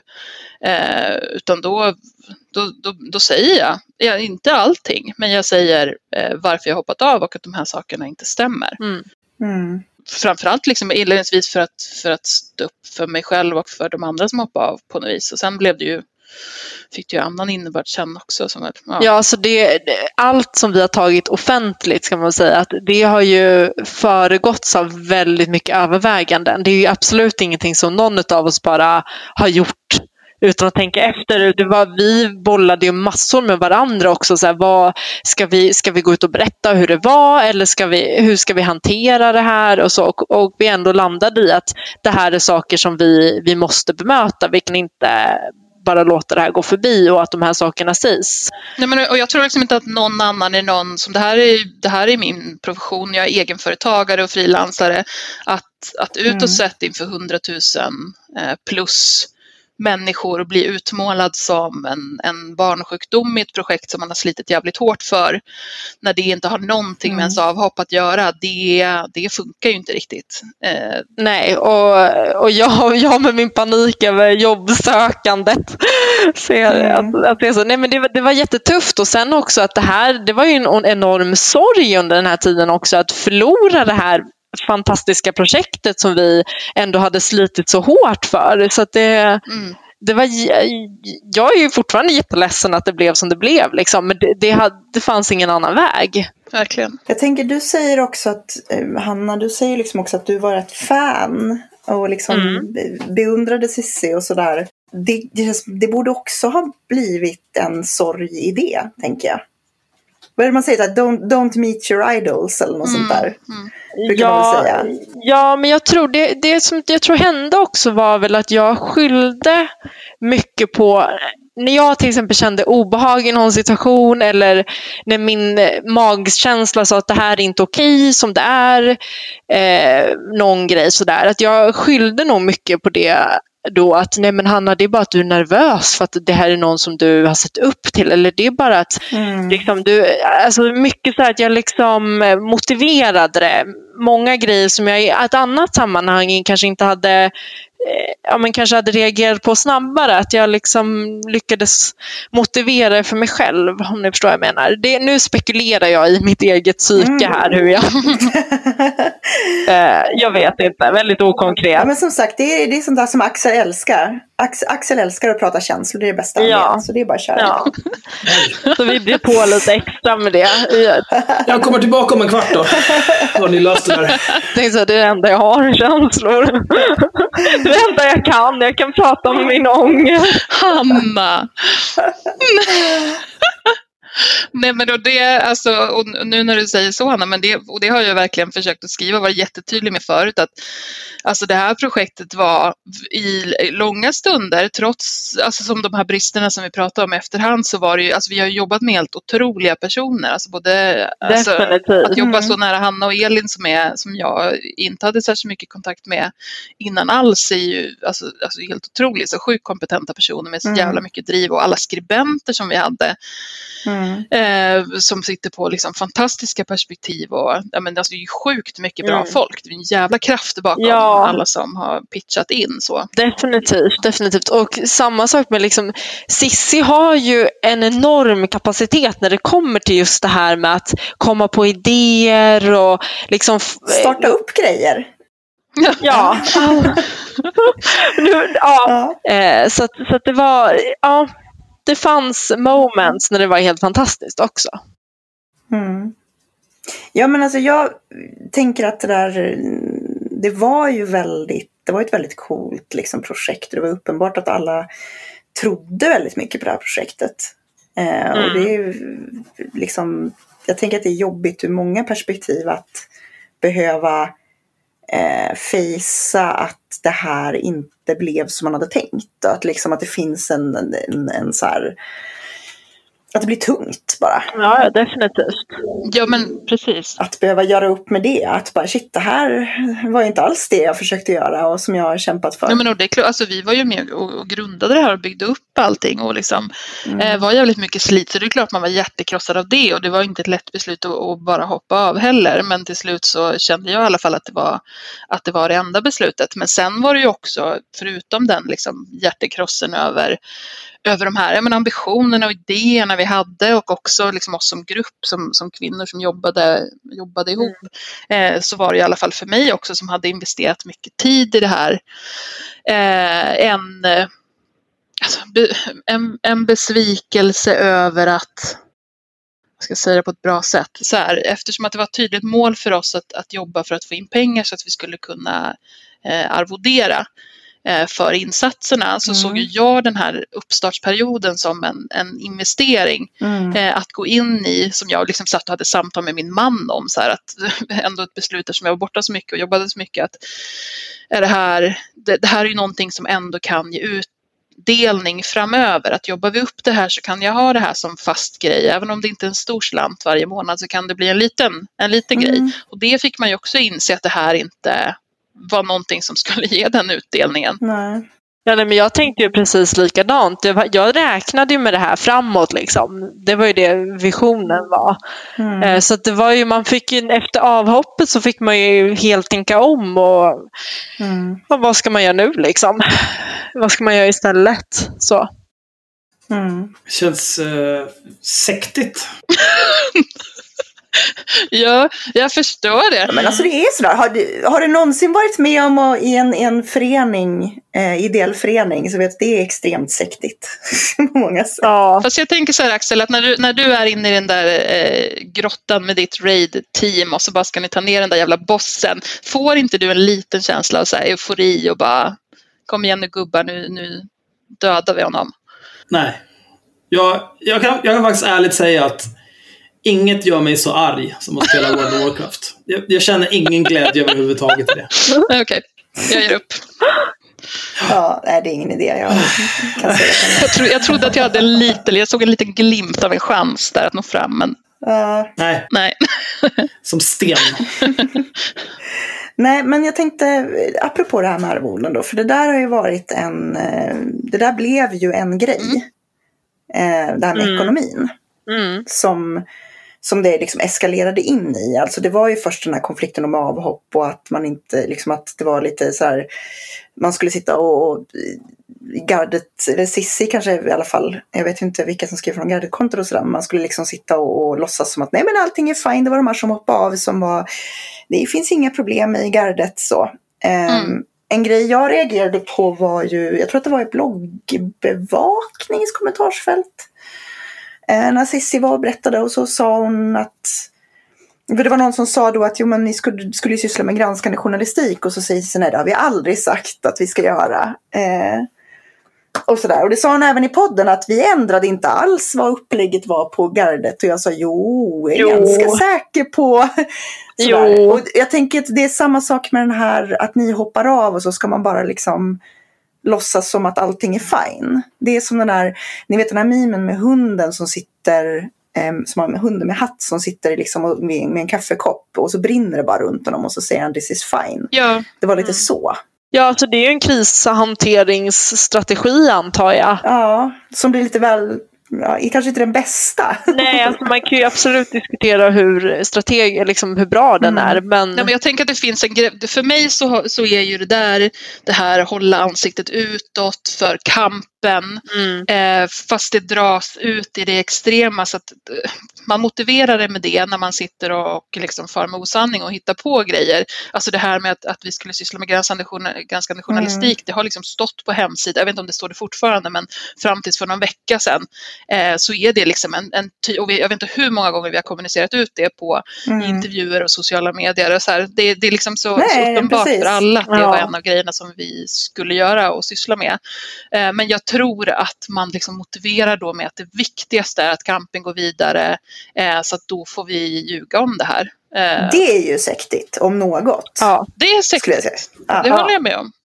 ja, definitivt. Det, ja. Men varför var hände sen? För sen blev det ju en, som jag tänkte, vi har ju pratat om det här i podden, men det var så länge sedan så det har jag hunnit glömma allting om. Och våra lyssnare kanske inte har hört det. Um, du får jättegärna, vi vet Kajan, du hade ju en, eller hur är det nu? Det finns alltså en, en jurist insatt. Ni har fått någon typ av krav. Ehm, Ska jag ta det här? Do it! Ja, för det var ju dels var det någonting med kontot som du, alltså jag, jag red ut det här för mig. Ja, jag kan reda ut det här. Skönt att vi har en jurist här. Precis, jurista lite. Okej, jag juristar lite. Nej, men så här var det. Eh, vi hade ingen ekonomiansvarig, utan vi valde att ta ett gemensamt ansvar, alla fyra som var i redaktionen, och sa att det här är någonting vi ansvarar tillsammans över Mm. eh, och sen så ska en revisor ta över det här ansvaret. Det var det som var tanken. Men Mm. någon var ju tvungen att starta upp det här kontot som pengen då skulle hamna på och det var jag som gjorde det. Bankkontot. Mm. Bankkontot, precis. Och jag hade då mitt, med mitt bank-id kunde jag eh, logga in Mm. på kontot. Så att jag, jag, hade, jag utförde det vi gemensamt kom överens om. Mm. Eh, så när vi kom överens om att nu ska eh, ett, en utbetalning eller nu ska en faktura betalas eller hur det nu var. Så då utförde jag det. Du stämde av det med alla andra, alla sa okej och sen gjorde du det. Ja, men precis. För det här var ju en av grejerna som, som eh, vi ifrågasatte. Sissi Mm. sa ju att hon inte visste. Och det stämmer ju inte. Det gjorde hon. Att hon hade ingen aning om att det hade betalat ut pengar. Vi ifrågasatte det och sa hur är det möjligt att du sitter i styrelsen och inte har koll på det här? Ja, nej, men det är inte möjligt. Det är det som är svaret. Det är inte möjligt. Det är, hon hade koll Mm. på det, hon visste om det. Eh, och eh, vi var alla överens om alla utbetalningar som gjordes. Det var inga konstigheter. Det var ingen utbetalning eller, eller räkning som betalades utan att alla hade eh, clearat och visste vad det var för något. Ja men precis, och Mm. jag var väldigt anal när det kom till det och skulle stämma av allting för att jag är livrädd för att göra fel. Mm. Jag är, när det liksom kommer till ekonomin så att jag, jag Mm. stämde av verkligen allt och var jättenoga så att det skulle bli rätt. Mm. Eh, Verkligen. Eh, och sen då så påstod Cissi att hon inte visste om det här nu efter avhoppet och det hon sa också i podden här nu. Mm. Eh, och då kom det en, då fick jag ett brev eh, från en advokat Mhm. för gardets räkning. Eh, där de, den här advokaten eh, vill att jag ska redovisa eh, för de här besluten då som skulle ha tagits för utbetalning. Alltså redovisa utbetalningar som gjort och vilka liksom, ja, besluten för dem. Eh, vilket jag då gjorde och sen har jag inte hört något mer. Nej. Innan eh, juristen hörde av sig så var det, jag gick ut och eh, Cissi var ju med i ett var det P3 Ja, P1-program. just det. Mm. Eh, Man fick ställa Mm. frågor så här, där hon uttalade sig om hur mycket pengar som gardet hade fått in totalt från, från följare. Eh, där hon sa en, en betydligt lägre summa än det som jag vet att när jag hoppade av så hade det kommit in. Jag tror att hon sa 70 000 Mm. och när jag hade hoppat av så var det runda slänga 300 000. Eh, Mm. Vilket återigen liksom för min så säga, yrkesheder och, och allt, det går ju, jag kan ju inte vad ska jag göra med det? Jag kan liksom inte sitta tyst Nej. om en sån sak när, man, när hon pratar om siffror som skedde när, när jag satt liksom och hade delvis ansvar. Eh, och, och inte på något sätt har insinuerat att någon skulle ha snott pengarna eller någonting, men däremot rättat att den siffran stämmer inte utan det var snarare den här siffran. Mm. Eh, man kan ta fel, ingen stor grej. Samma kväll som jag hade gjort det, eh, det blev ju väldigt upprört av att jag sa ifrån och det var förtal och så. Mm, det minns jag. Mm. Kunde du inte förutsett det? Jag, jag känner lite grann att Sissi känns inte som en person som gillar att bli rättad. Nej, men säkert. Men jag var ju också ganska bestämd på att jag inte tänkte låta låta det styra hur jag agerade utan jag försökte hela tiden att så här, är det här någonting som jag tycker är väldigt viktigt att säga till om? Eh, ja, det är det, ja, men då måste jag göra det. Eh, Sen fick ju hon bli arg då, men det var ju liksom, var inte Mm. med med det.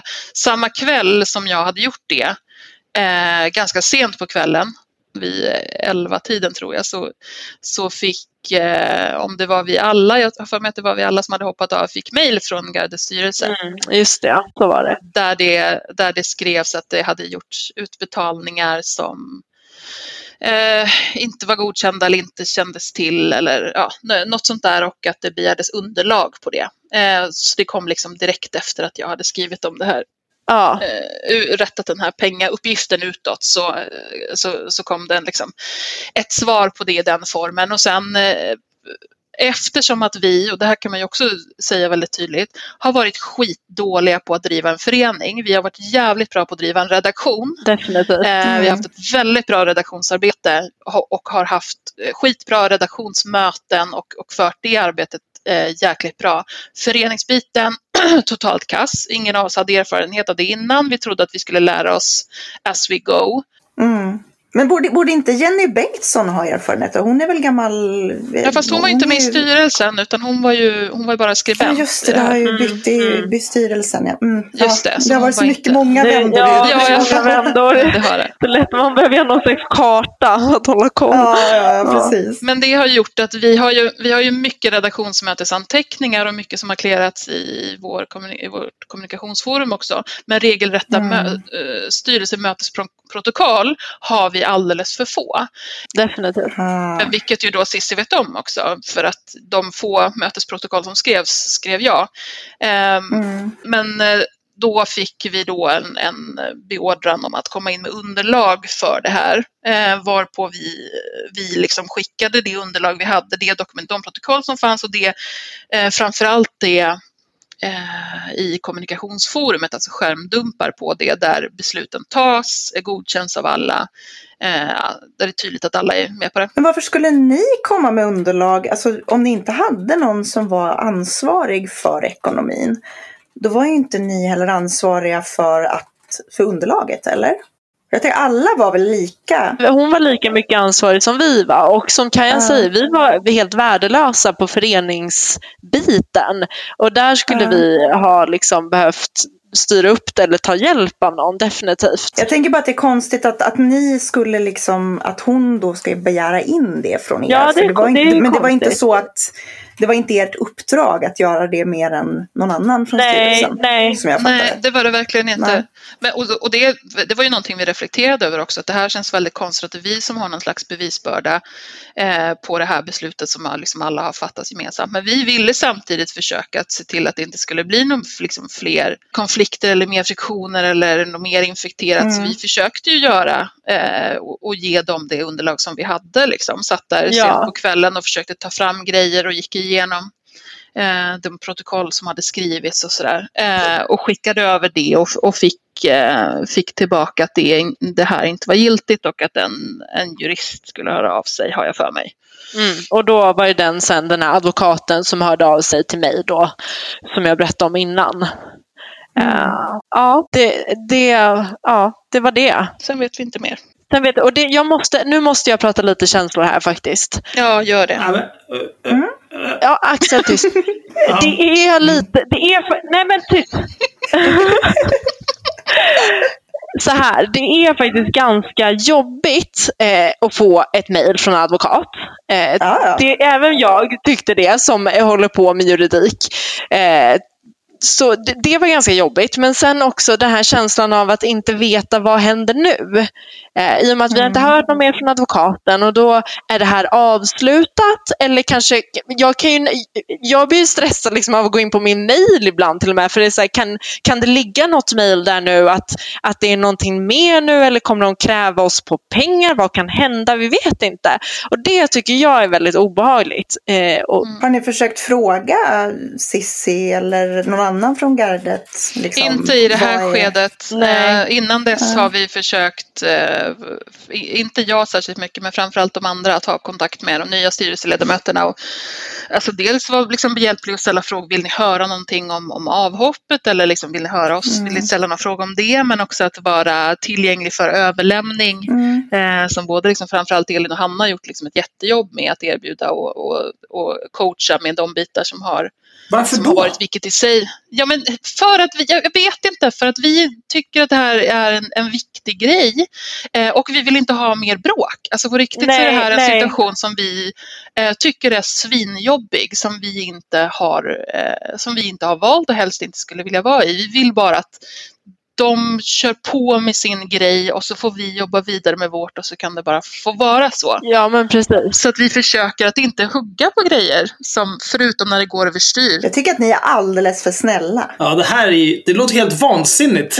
Men, men så här, vi vill det är ingen av oss ville att det skulle, ingen av oss ville att det skulle gå dåligt för gardet. Det här var ju våran bebis som vi hade liksom Mm. Ja, ja. fött fram och uppfostrat. Så det är så här, vi ville ju, Mm. vi ville ju vinka av det här barnet så att det kunde bli något Mm. bra. Så det var ju aldrig någon av oss som ville att det skulle gå dåligt efter att vi jobbade av. Men har, finns gardet så som ni tänkte er det fortfarande kvar? Har det inte Nej. bara Nej. absorberats Nej, i det Cirkus finns inte kvar. Nej, men gardet finns inte, inte som jag, som var vår vision, finns inte kvar. Inte det vi skapade. Nej, inte det vi skapade. Det är ju borta. Jag tycker ni ska ghosta alla som har med gardet att göra idag. Okej. Om ni får någon typ av brev från någon, då, då kontakta en advokat eller riv sönder det. Ja, alltså problemet är att det kostar ju en jävla massa pengar att ta in en advokat. Jag hade, annars hade jag gärna haft en advokat som kunde sköta den här skiten åt mig. Liksom. Men, men det går inte. Ska vi starta en stiftelse för utsatta gardet-medlemmar? Ja. Nej, men vi har, ju, vi har ju advokater i vår lyssnarskara. Gud. Någon kan säkert höra av sig och lösa det här. Förhoppningsvis blir det inget mer eh, av det, hoppas Jag jag. tycker att det där låter som bara en... eh, Någonting gjort i affekt för att, för att visa hur bred pung hon har. Ja, det skulle nog vara min gissning också. Ja, jag, jag tycker det är extremt klandervärt beteende att hålla på sådär. Nej men det har ju varit en, alltså, på riktigt en vidrig, en vidrig situation. Totalt. Totalt. Fruktansvärt liksom, jobbiga månader. Eh, att ha, alltså, som sagt så är det ju saker som har skett utanför utanför offentlighetens ljus hela tiden och har inte varit någonting aktivt så har det varit det här överhängande om att det kommer någonting. Eh, och, Mm. och liksom glidningar och, och, och lögner och att sitta och lyssna på, ja, men på er podd och höra Spekulationerna. och osanningar som är Nej, men som Mm. framställer oss som fifflare liksom, som, och som har gått in i Det det var här jättejobbigt. som har gått in i det här projektet för att vi typ ska tjäna kosing, vilket är så, det är så långt ifrån. För det första har vi inte gjort det. Vi har inte, vi har inte blivit rika på det här. Eh, och för det andra så är det här Alltså det är ju verkligen någonting som vi har slitit arslet av oss med för att det ska bli någonting bra. För att vi trodde att vi kunde, vi trodde på riktigt, naivt må det vara, men att vi skulle kunna förändra någonting Mm. eh, och få till en plattform som skulle kunna göra skillnad. Det var ju, det var ju hela, vårt, Mm. hela vårt driv och då, det är klart att sådana saker tar jäkligt hårt när någon försöker framställa en som att man eh, bara vill ägna sig åt, alltså för att man är kåt på följare, vill ägna sig åt smutskastning på sociala medier. När man ur sitt perspektiv sitter bara, fast jag försöker bara, jag försöker besvara att du har sagt att jag, att jag fifflar med pengar. Liksom. Det måste få vara min rätt att göra det. Mm. Eh, Men, men, men det är ju som sagt, det här är ju verkligen någonting som vill, i, i vårt drömscenario så hade inte vi suttit här nu och pratat om det utan då hade, vi, då hade jag fått sitta med min jävla bok nu. Mm. Mm. Ja men precis och sen att det här tank, alltså den, det här med att där vi skulle ha gjort det här för vår e, liksom att, att lyfta oss själva och liksom tjäna på det på ett personligt plan. Det är ju verkligen inte sant. För att jag tänker under tiden vi har byggt gardet så har ju vi alla behövt lämna våra egna liksom varumärkesbyggnaden åt sidan Mm. eh, och bygga gardet istället. Om ni skulle titta på, liksom, har, ni, har ni vunnit följare under den här perioden ändå på grund av gardet? Jag har inte gjort det. Jag, jag, har inte, jag, jag har gått upp och ner lite, men kanske hundra följare. Mm. Det är väldigt svårt att säga eftersom att jag under den här perioden har haft en, jag ligger runt det antalet eh, följare där jag småstiger hela tiden. Eh, så, Mm. så vad det beror på eller inte, jag har ju kunnat sett när det har varit stora konflikter så jag har tappat jävligt många och det har kommit många nya som säkert har Mm, med sig popcornburken liksom. Ja men precis, det är svårt att säga vad som är vad. Och sen, jag är absolut följarkåt. Det, är liksom, det, det går inte att sticka under stolen med. Absolut. Så länge jag har fler än, än Henke och Axel så är jag Då är nöjd. det nej. Jag har inga följare någonstans, jag förstår inte. du är blockad överallt. nej men det jag försökte bara säga var att, att gardet var ju aldrig det var ju inte till för person, alltså vi var ju, gardet var eget. Det var liksom en enhet Mm. för sig. Det ska jag ju säga att det var ju faktiskt eh, liksom det kändes ju inte så, så um, personkultigt så. Eh, Nej det skulle det inte vara heller. Var det något vi la fokus på så var det ju att lyfta våra skribenter och även, även gästskribenter. Eh, både liksom på hemsidan och på, på, på sociala medier. Eh, där vi helt enkelt inte, vi som jobbade med det, inte hann producera så mycket text Nej. eh, som, precis. som vi hade gjort kanske om vi var, om vi var skribenter. Eh, Men det är klart att vi har synts utåt, det är inte så. Det är ju självklart, vi har varit med och byggt upp en, en, en stor med, en medieplattform liksom och fick, eh, inte vet jag hur många det var, men jävligt många tusen eh, följare bara på ett dygn. Mm. Eh, Cissi Wallin har- som är ett stort namn har varit med på det, så det är klart att vi har synts. Det är ju inget, inget snack om saker. det var ashäftigt. Alltså det var så häftigt att se det där ske. Men om vi liksom pratar om det, Cissi Wallin som du säger är ett stort namn och liksom var ju den som på något sätt syntes mest kan man väl säga eh, i liksom lanseringen av det här. Eh, vilket hon har gjort ett par gånger förut. Vi satte oss ju och tittade igenom alla projekt hon hade startat eh, när vi pratade om gardet. Mm. Och insåg att, att så här, shit vad hon har startat projekt och vad många konflikter så här, liksom, som bara försvunnit och hon har ingen kontakt med människorna som hon startade de här projekten med längre. Mm. Va, hade ni inte någon koll på det här? Att det, kändes inte det som en sorts varningsflagga? Att gå med i ett projekt med henne? Jag hade ingen koll på det. Eh, Nej. så. Nej. Men jag tror inte att hade jag vetat så att, att det hade sett ut så, jag, jag tror inte att det hade stoppat mig i det här, att gå in i det ändå. Vi var ju jävligt godtrogna liksom på något Ja. vis. Jag hade faktiskt Ja. inte heller koll på det. Eh, och sen hade jag alla möjligheter att kolla upp det innan men, men har ju på något sätt valt att inte göra det. För att jag väl inte har tyckt att det behövts eller sådär. Men vi hade ju en, en, Mm. en enorm stor tilltro till alltså alla som jobbar med projektet och, och Cissi ju verkligen inkluderade det. Eh, vi Mm. trodde på vad som sades och det var ju så här genomgående när, när Cissi har sagt att det kommer på en revisor efter sommaren som kommer ta tag i det här och han har, han har clearat de här, att det här går att lösa på det här sättet så har ju vi, så har ju vi trott på det. Så ni hade liksom ingen koll på de här konflikterna? Jag tänker till exempel det här eh, när att hon och, och Natasha haft konflikter. Liksom där deras podd bara läggs ner därför att de har haft någon typ av konflikt. Jag visste ju inte då vad den konflikten handlade om. Men jag hade ju märkt att det liksom stormade jävligt mycket i flera projekt. Jag visste att de hade, hade haft en konflikt, eh, visste inte vad det Mm. berodde på. Jag visste inte att, eh, att podden lades ner på grund av en konflikt. Utan trodde Ja, det ja. som hade kommunicerats utåt att de skulle gå vidare med annat. Eller liksom. ja. Mm, mm. Jo men det var typ så för mig också. Nej, men, det, alltså, som sagt, godtroget. Ja. Mm. Jag tänker, för det är det där jag tänker att det var ju väldigt, det här, det här var en av de grejerna som gjorde att vi också ville prata om det. Eller jag kanske främst då, att det har varit så jävla tyst Mm. eh, om de här sakerna. mm, Fast så många verkar ha haft konflikter eller hört om konflikter eh, och sett konflikter och, men liksom ingen har pratat om det. Eh, för mig så blir det liksom intressant utifrån någon sorts, men vi pratar liksom tystnadskulturen runt metoo Mm. och att det, jag Mm. kan känna se så här spår av det i det här också. Mm. Förstår ni vad jag menar? Absolut. Ja, ja def- definitivt. Ehm, och jag, jag tänker att ska man gå ut och prata offentligt om en konflikt så Eh, Jag bara tänker vad som hände när, när vi gjorde det, hur det liksom utspelade sig. Så det är ju inte bara att göra om man säger så. Det har ju tagit extremt mycket för Mm. alla liksom, inblandade.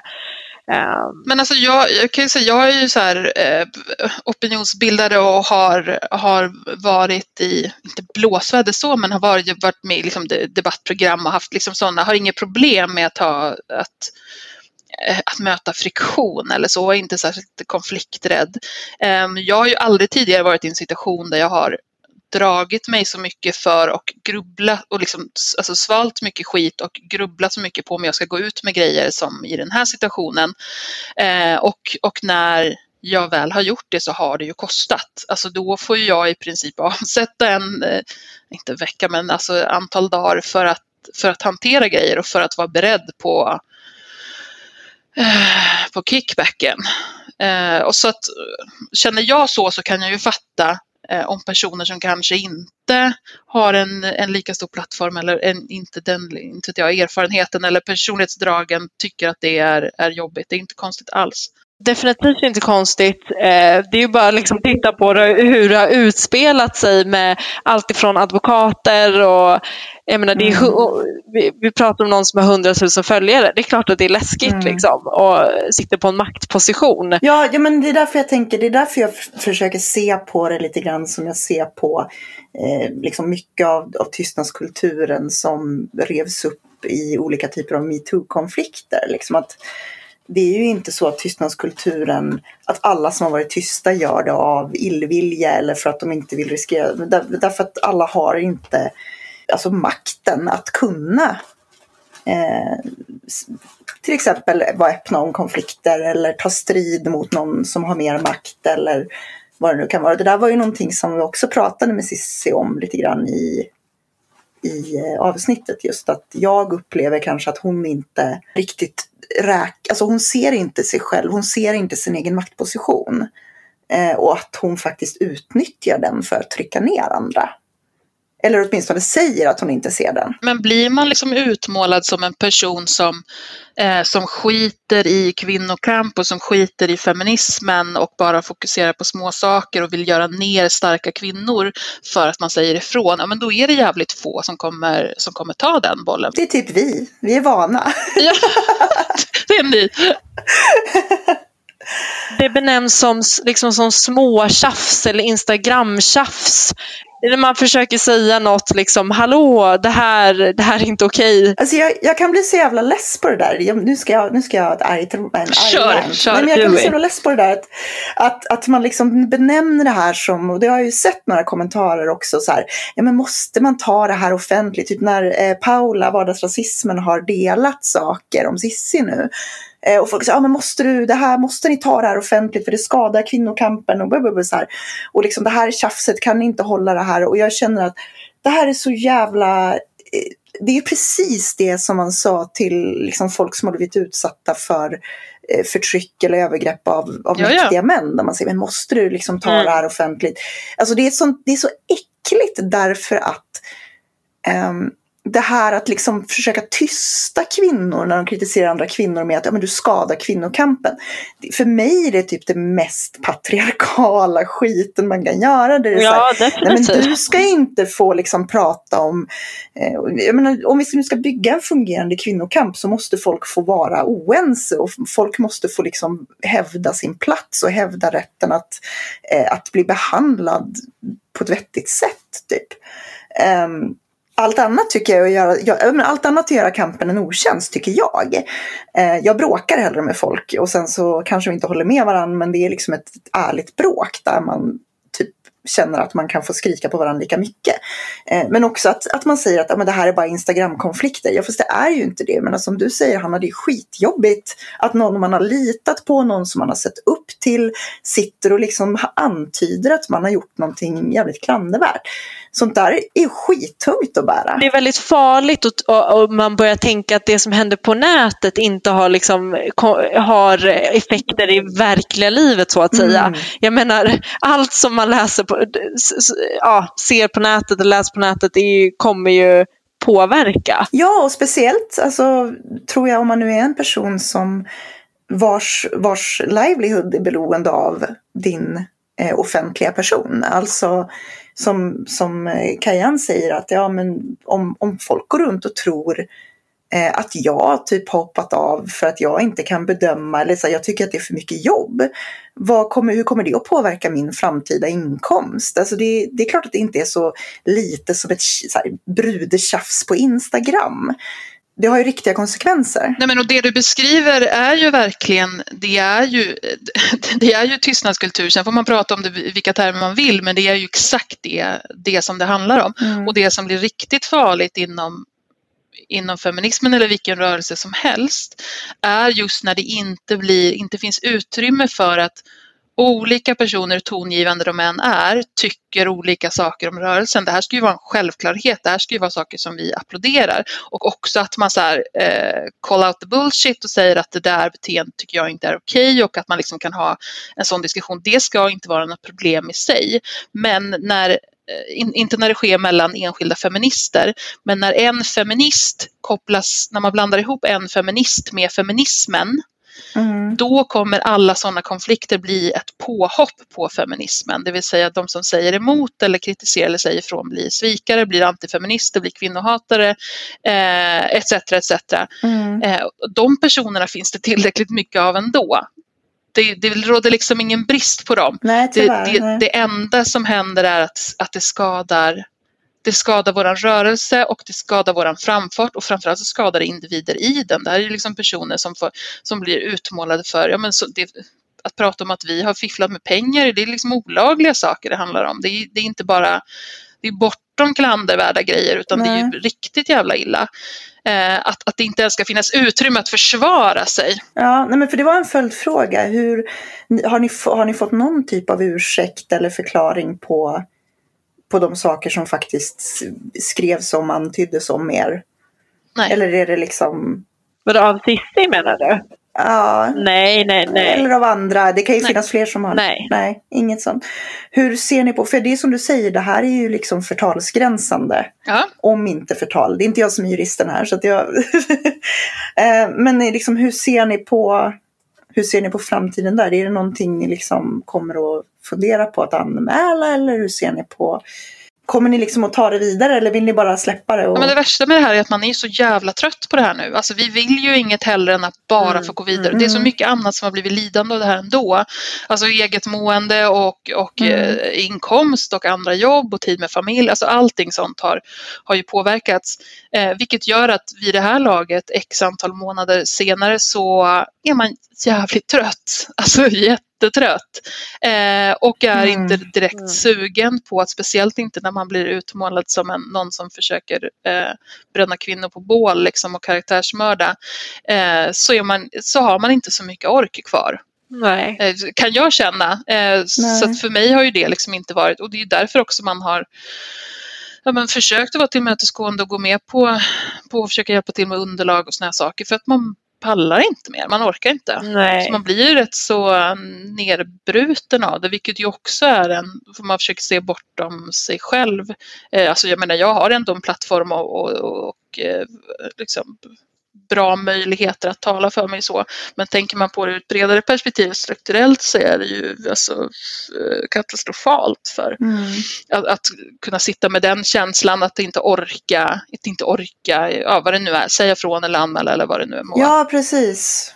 Eller inte ha verktygen för det liksom. För att jag, jag, jag, tänker så här, hade du inte haft, nu hade ju du faktiskt chans att gå ut och bemöta och du la ju upp en, en del skärmdumpar och sådär på konton mm. och sådana grejer. Eh, som faktiskt fick spridning. Men liksom hade du inte haft den här plattformen så hade du inte haft verktygen heller för att bemöta. Utan då hade du fått sitta där och tugga i mig. Ja men precis och bara inte veta vad folk skulle tro. Ja nej, nej men visst och det var ju också när, när um liksom hela anledningen till att jag har lagt ut saker när det varit det här med Patreon-pengarna och sådana grejer.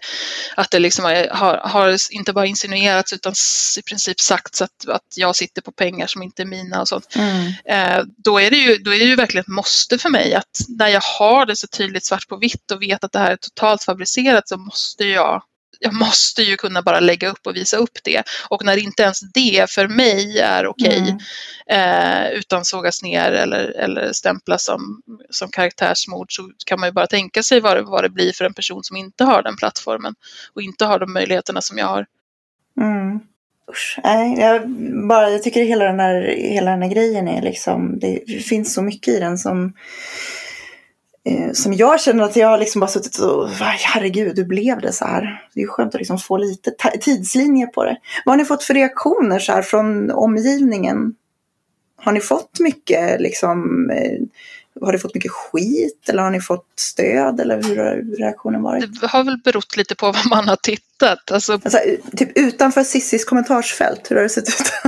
ja, okej, okay. tack för eh, Nej, men till, till egen plattform tycker jag har varit blandat. Eh, många, alltså den, den, stora majoriteten hos mig har varit människor som, som säger att man uppskattar eh, tydlighet. Eh, att liksom förklaringar och mm. skärmdumpar och sådär. Och också att det är saker som läggs upp uh, som inte är ska vi säga, så här, känslodriven retorik, att det inte handlar om hur, hur påhoppad jag är så, utan att man försöker, som jag verkligen har försökt, jag måste säga du, du har upplevt som väldigt sansad i det här som sagt. Ja men det var ju skönt. Jag hade nog inte varit sådär sansad. Axel hade definitivt inte varit det. Tror du inte? nej. Nej men alltså, jag har inte varit så, så sansad eh, heller egentligen men jag har ju fått sitta och räkna till tio så, ett antal gånger. Eh, men... Ja, det kanske beror på vad man jämför med men att i den här konflikten ja. om man säger liksom så skulle jag säga att du har betett dig otippat sansat kanske. Men det beror ju mycket till stor del på att motparten ter sig som bindgalen. Du menar att det inte beror på att jag är en, en sansad person? utan... ja, nej, allting är ju relativt. Liksom, det, var, det, var, det, var, det jag lite diplomatiskt försökte säga. Men det var, tack för att du, du stavade det åt mig. Ja, nej, men jag, är, jag är här för, för att vara ärlig. Nej, men det, jag, det har väl varit bra. Ja. ja, ja. Åh oh, gud. Ja, nej men förlåt, vad ni, hur känner du Hanna? Har du, fått, har du fått någon skit liksom från annat håll? Eller är det... Jag tycker, alltså på min egen plattform så har det ju mest varit eh, stöd tycker jag. Att, att folk som tycker mm. att det är tråkigt att det har blivit så här och så. Mm. Eh, majoriteten skulle jag säga. Skönt. Sen har det varit ändå, ändå många som, alltså just den här grejen med att varför ta det här offentligt och mm, mm. Jo, det kommer ju en del. Mm. Ge det på en kvinna som redan är utsatt och sådana såna bitar. Där, ja, mm. alltså jag har ju någon slags ett försök att jag svarar på precis alla DM som kommer så det har ju varit ganska många timmar lagda på, på diskussioner och försöka liksom förklara eh, förklara sådana saker och på något vis ändå så här framför att vi, vi sitter inte i en situation där det är eh, där det är bara en liksom utsatt kvinna utan vi är ganska många som har erfarenhet av, av, eh, av förtryck och, och övergrepp och, och föräldrar mm. som dör och, och liksom, massa tunga jävla grejer. Fast det är så sjukt också att du ska behöva göra det. Alltså att, att det ska bli någon sorts tävling om så vem som är mest utsatt för att man ska få tala om hur saker ligger till. Är inte det jättekonstigt? Jag tror jag skrivit det en gång i en kommentar och då var det var liksom mitt lacka ur för att jag eh, var så trött på att höra det. Men ja. att, att, få det i sitt ansikte liksom hela tiden, att man ger sig på någon som är så utsatt och sen den personen har inte ens orkat tänka tanken att, att det är ju faktiskt fler kvinnor här, att det kanske är någon mer som har varit med om, om jobbiga, tuffa grejer liksom. Mm. Det, väldigt många kvinnor har ju det. Ja. Ni är välkomna att ta och anpassa det jag sa i inledningen om ni vill gällande tonen. Det går ju att anpassa till andra situationer. Mm. Vad menar du? Att eh, ingenting jag gör, har gjort eller någonsin kommer göra gör jag för nej, nej, de som lyssnar på den här podden. Precis. Mm. Det, jag tycker det låter som ett självskadebeteende att sitta och svara på varenda PM. Tycker du det? Det måste du sluta med. Ja, men alltså lite så här, alltså, jag, jag vill ändå säga så här, lite är det ju den här eh, liksom den kvinnofällan att alltid försöka vara alla till lag. Så typ alltid för, förklara sig i, all, i allting. Eh, på något vis. För jag, jag kan också fastna i det där liksom, när det kommer, det kommer in så här fullständigt efterblivna SD-troll och ska säga Åh, varför, varför gör du så här? Så ska jag liksom gå in och förklara varför jag har rätt. När jag bara kanske borde säga så här, du är ju uppenbart dum i hela huvudet. Ja, ja, alltså troll, eh, eh, troll och liksom folk som bara kommer för att spy skit. Det är klart, men jag har väldigt, väldigt få sådana. Eh, extremt få, det händer någon gång ibland. Mm. Eh, så de behöver jag oftast inte handskas med och mest är det snubbar som vill visa kuken i DM. Liksom. Eh, Mm. det, det brukar inte vara så mycket mer än så. Men de som däremot skriver och kontaktar en och är så här, jag tycker att och för ett resonemang och faktiskt är intresserad av vad jag har att säga, då för mig Mm. är det ändå jäkligt värdefullt att kunna liksom, föra en diskussion då där jag, där jag får berätta liksom, vilket håll jag kommer ifrån och hur jag tänker. Eh, så att jag hade ju inte gjort det om, om jag inte tyckte att det var viktigt. Liksom. Mm. Men det är klart att det suger musten ur en ibland. Ja, men det finns, också, det finns ju också någonting i den här nätkulturen, alltså på samma sätt som det finns någonting skadligt i att man skapar eh, olika typer av, av förgrundsfigurer som liksom ska vara helt untouchable.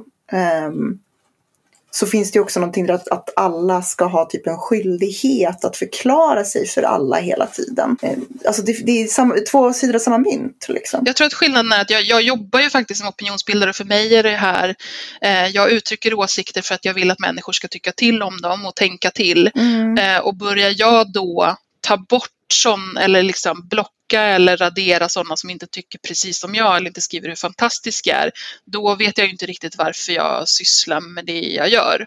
Utan hel, hela, hela mitt jobb går ju ut på precis den saken, alltså att, att bilda opinion, skapa diskussion. Och då känner jag väl att det kan, då är det ju mitt ansvar att följa upp det Mm. också. Ja, ja, det är rimligt. Tycker jag. Ja, du är vuxen, du gör som du vill. Du gör fel, men du gör som du vill.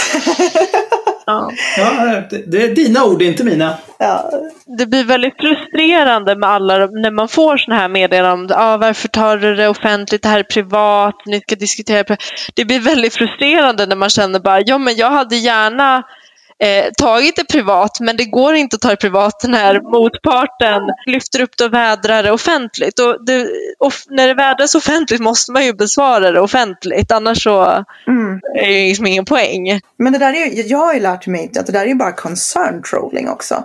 Det är för att det är sånt de använder för att tysta. Liksom, Mm, För att de är så här, nu, nu trycker du någonting som jag tycker är misshagligt. Så att nu ska jag komma in och säga, ja men gör, borde du verkligen så? Jag menar, då, då ska de ju, jag har ju bara slutat eh, Mm. när någon kommer in och liksom säger så här, men varför måste du skriva eh, taskiga saker om den här feministen som har skrivit det här om dig eller vad det nu kan vara. Mm. Jag brukar bara så ställa, ställa frågan, har du, gått, har, du, har du sagt det till den andra personen Mm. som Mm. började med det här? För annars så har inte du någonting att komma med. i det. Och det är väldigt sällan de har det. Ja, men som det, det faktiskt handlar om nu med regelrätta liksom anklagelser om brott och, och eh, faktiska hot om, om, om Mm. grejer. Så att personer då sitter när, när människor liksom vittnar om det och bara men ta det här privat. Och att man gör det i en rörelse som feminismen är ju liksom helt åt helvete. Ja. Det, är ju, det är ju raka motsatsen mot vad vi ska, vad vi ska hålla på med. Man tycker att det borde finnas inom den feministiska rörelsen kanske mer än andra.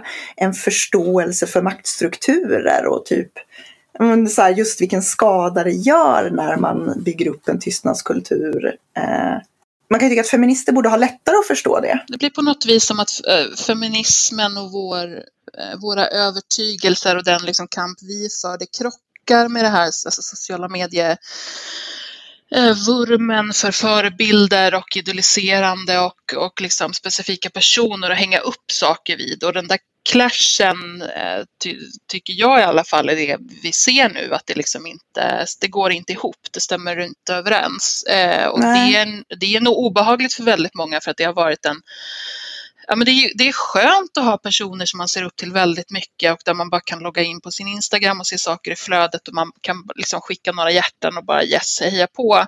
Och sen börjar det komma fram andra grejer som liksom skulle krackelera det på något sätt eh, och ta bort den här sköna känslan av att det finns en liksom, kämpar som står i ledet längst fram och gör allting jävligt bra.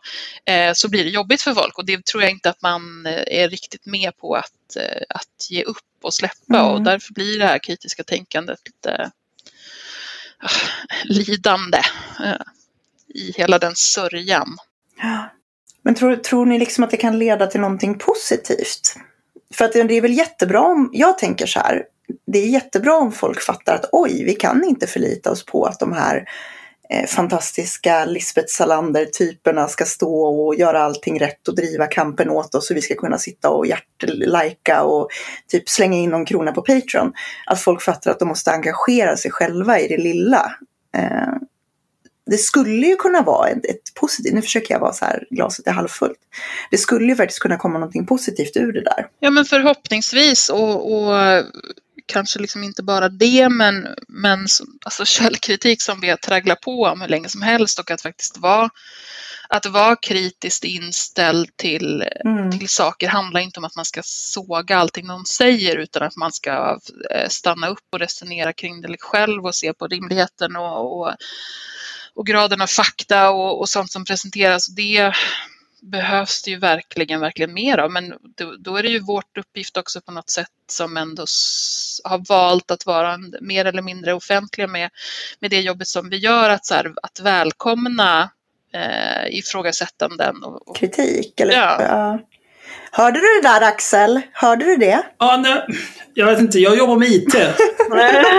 Men det är därför jag kan kosta på mig att säga att jag skiter fullständigt ja. i vad folk har åsikter om toner och sådär. Ja. För att jag, eh, jag är likgiltig till hur många följare jag har. Jag vill inte driva opinion. Nej. Jag vill jobba med IT, spela World of Warcraft och skälla på folk jag inte gillar. Ja, men det låter bra.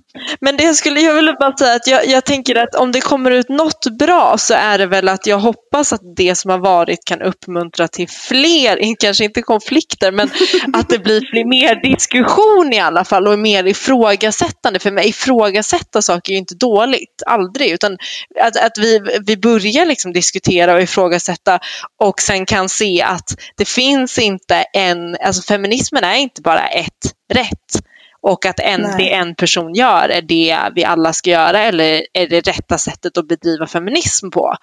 Eh, utan Nej. att liksom, det är en eh, så mycket större än det. Ja, och också så här, jag tror som du, alltså jag hoppas det också. Ehm, jag har ju pratat med ganska många liksom under gången som vi har, har liksom granskat, pratat om gardet och granskat Sissi och sådär. Både sådana feminister som jag inte håller med och sådana som jag håller med mycket och liksom att det har varit det har varit lite förlösande på något sätt att vi har ganska snart gått från att prata om, om liksom Sissi till att prata om mm. feminism i stort och vad vi vill mm. göra och vad vi tycker är viktigt och så här. Eh, och för mig var det jävligt positivt att, liksom att, att det här inte blir någon sorts um, liksom hetsjakt på Cissi. För jag är inte så nej, intresserad nej. av det. Jag har sagt att vi gör den här granskningen. Nu har vi pratat mer och sen så vill jag liksom gå vidare. Jag skiter i det där. Mm. Uh, jag skiter ju inte i det. Jag tycker att det är liksom en viktig grej att ta upp. Men jag är klar nu. Liksom. Jag har gjort mm. min del i det. Och nu vill jag göra någonting mer uppbyggande och något roligare. Uh, och jag hoppas ju att vi kommer att kunna kanalisera i mm. någonting där vi har ett högre tak ja. eh, i slutändan. Det är min förhoppning i alla fall. Ja, ja men det, det är precis det jag hoppas också. Mm. Och det är väl så här, jag menar jag har ju alltid försökt vara så skavig som möjligt hela tiden. Liksom, för att ja, jag tycker gud, att det, ja. det, är så här, det är nyttigt när det skaver lite grann ibland. Mm. Um, men, och, och liksom, vi kanske har glömt det lite grann i vår, i vår kamp efter enighet. Så. Ja, men också i rädslan för att bli utmålade som att kvinnor inte kan samarbeta så har det på något sätt gått mm. över till att vi inte får ha konflikter. Eller att vi inte får mm. liksom, tycka olika och så är det ju inte överhuvudtaget. Men gud, det är så himla skadligt. Jag menar de som säger att kvinnor inte kan samarbeta kommer ju, ja, men, kommer ju säga det oavsett och det finns ju hur många exempel som helst på kvinnor som samarbetar. Och det... det är inte vi som startar krig världen över. Liksom. Nej men precis, att det, så jag tror att man får, det är väl dags att släppa den tanken nu. Det är väl som allting annat, det är väl klart att liksom kvinnor som inte liksom håller med varandra om vad som behöver göras och hur det ska göras kommer inte kunna samarbeta. Nej, precis, men det hjälps ju inte av att, att det finns någon sorts tystnadskultur där man liksom inte får eh, prata om konflikter. Det är klart Nej. att man inte kan jobba med människor eh, i en, i en kultur där liksom man inte får ha konflikter överhuvudtaget. Då, för då kommer alla gå där och bita ihop och sen exploderar det. Alltså förr eller senare därför att man liksom har inte kunnat ha nyttiga, de, vet, de här hälsosamma konflikterna. Mm. Det är som i förhållanden, typ om man aldrig bråkar i ett förhållande så är det oftast ett jättedåligt tecken. För det betyder att man går runt och är konflikträdd eller man går runt och liksom vill inte ta upp saker. Och sen så kommer det leda till att den ena bara så här sticker iväg och liksom så här, gifter sig med någon annan bakom ens rygg. Eller att någon bara kukar ur någon dag och liksom slår sönder allt porslin. Alltså det är så här det, det, är inte bra att gå och liksom ha, bygga upp den där typen av irritation. Man måste kunna tjafsa om saker. Ja. Jag tänker också att det är väldigt viktigt att vi inte, eh, alltså precis det som du sa, men också att vi inte underminerar Alltså nu, har vi, nu, nu har vi sociala medier som, som är jävligt stort och vi har eh, feminismen som ändå liksom är på, på frammarsch. Vi har en rörelse som utvecklas åt viktiga håll hela tiden. Mm. Eh, och vi har framförallt på, på sociala medier stora eh, förebilder eh, som driver rörelsen framåt och som sitter på på mycket makt. Mm. Där jag med mina, vad är det, 15 000 har, har liksom en bit av den kakan. Eh, att vi inte underminerar det och, och gör det till att vå, våra diskussioner eh, görs till ja, men Instagram-tjafs eller någonting utan att vi faktiskt, det här är ju en bra grej, liksom. vi, vi, vi har lyckats få eh, feminister och kroppsaktivister och, och, alla de här personerna att, att få mer utrymme och få stort genomslag och därmed också mer makt. Det är en skitbra grej, men då måste vi också kunna behandla varandra utifrån det och som makthavare så måste vi kunna ta kritik och vi måste kunna vara oense. Eh, man, kan, man, kan Mm. inte, man kan inte ha en, en, liksom, stå på båda de delarna samtidigt. Eh, fattar ni vad jag menar? Jag fattar absolut. Alltså, om man jämför med Axel då som är, säger han är totalt ointresserad av att vara en offentlig person. Mm, Eh, och jag har försökt förklara eh, för dig Axel många gånger att så här, jo fast du har en podd där du sitter och uttrycker dig om saker så kommer du till viss del att vara en offentlig person. Det är ett val du gör och då måste du kanske förvalta det. Jag är ledsen liksom. Eh, men du är den av oss som minst har valt att vara en offentlig person ändå. Eh, men jag tror också att det där, jag, jag har liksom landat mycket i det i många diskussioner jag har haft på senaste, typ senaste året. Att vi behöver ha liksom en diskussion om eh, vad man har för ansvar eh, över sin plattform i sociala medier. Mm. Eh, hur, hur ska vi bedöma vem som har makt? Mm. Hur förvaltar man den makten på ett, liksom ett, ett vettigt sätt och så vidare. absolut. Eh, och det är nog någonting som framförallt eh, feminismen, just för att det finns en grundförståelse för maktpositioner och strukturer och sådär. Eh, så tror jag att där är ett bra ställe att börja om inte annat. Verkligen. Definitivt. Men det är väl eh, ganska lätt. Alltså att, eh, att vara... Ska du mansplaina det här nu? Alltså lösa hela den här grejen med patriarkatet. Ja. Det är väl ganska lätt att liksom ha någon typ av eh, vad ska man säga, framtoning eller publik persona. Mm. Eh, Det enda jag tänker att man behöver göra är inte medvetet sprida desinformation eller lögner. Försöka vara konsekvent och stå för sina åsikter. Sen, det räcker väl. Mm. Ja, men alltså det finns ju lite sådana här grejer och det var en av de sakerna som jag, eh, som jag pratade med Sissi, men jag tror det var efter att vi hade slutat spela in. Men så att, att hon, just att så här, när börjar du få ett ansvar för vad du lägger upp? Om du lägger upp, jag har ju till exempel börjat så här, censurera, om jag lägger upp en skärmdump på en person som inte är en offentlig person så censurerar jag vilka det gäller.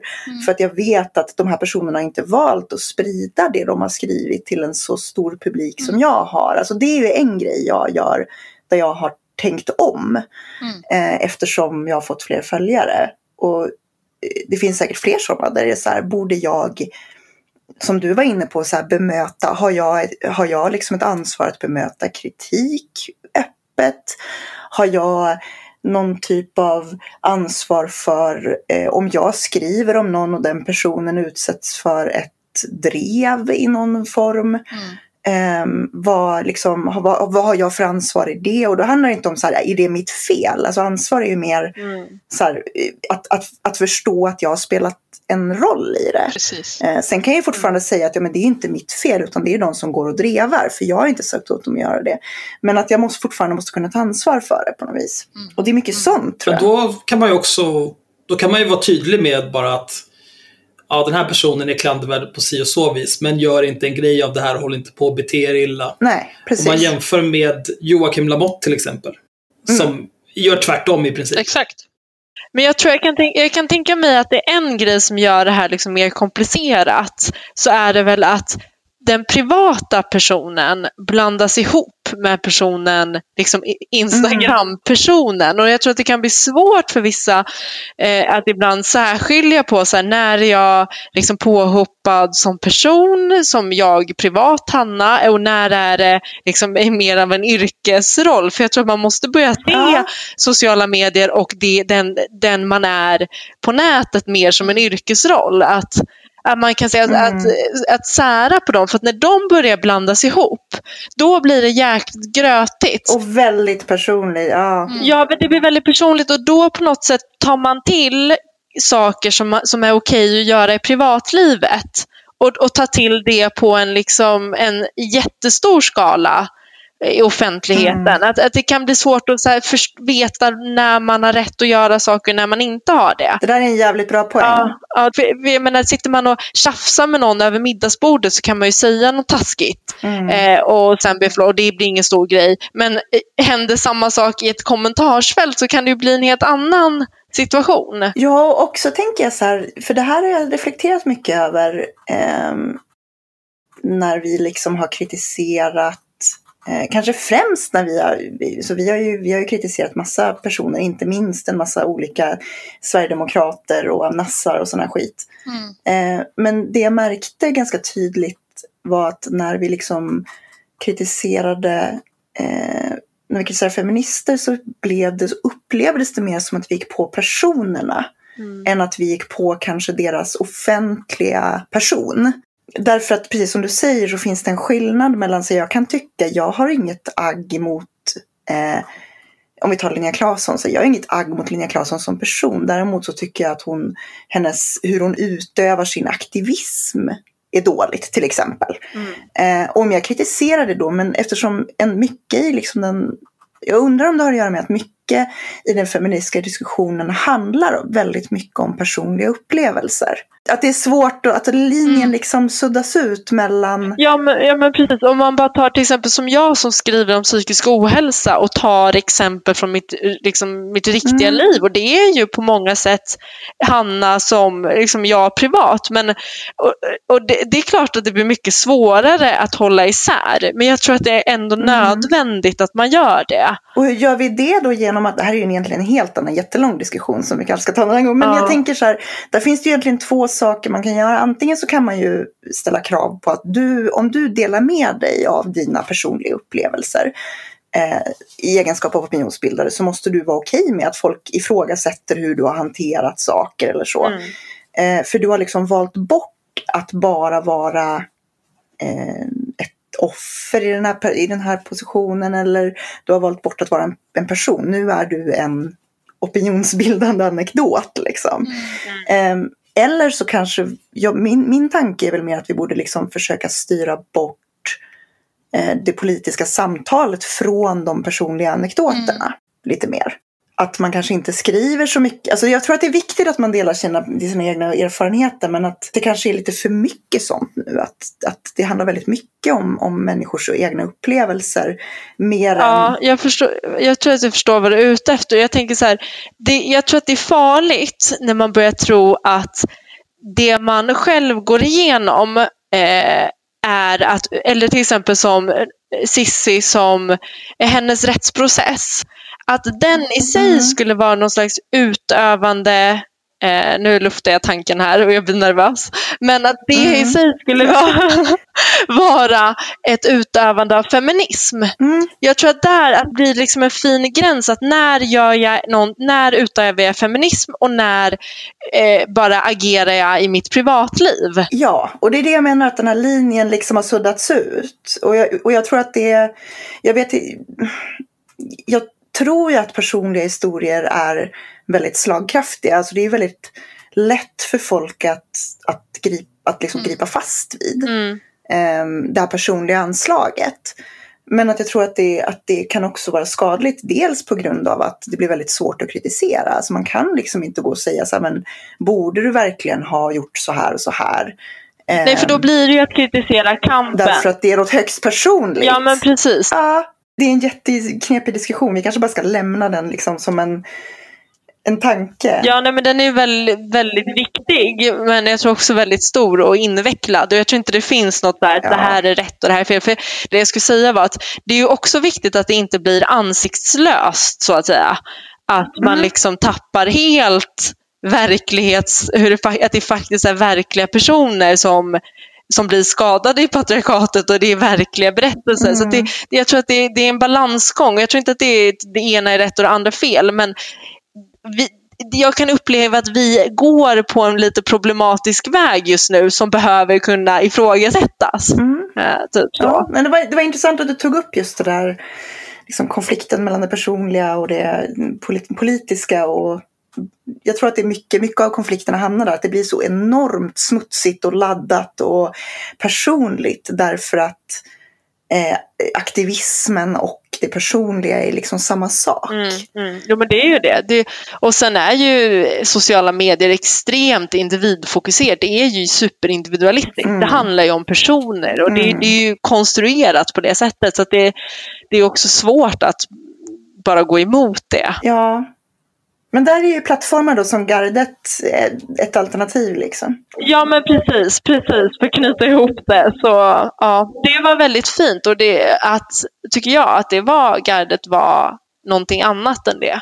Personfokuserade Mm. liksom, eller individfokuserade. Vad skulle ni själva säga, vad, eh, vad har ni liksom mest, vad är ni mest stolta över? Vi, vi förstår att det liksom är mycket fokus på det här, liksom konflikter och oro och sånt. Men vad är ni stolta över med gardet? Alltså mycket saker ändå.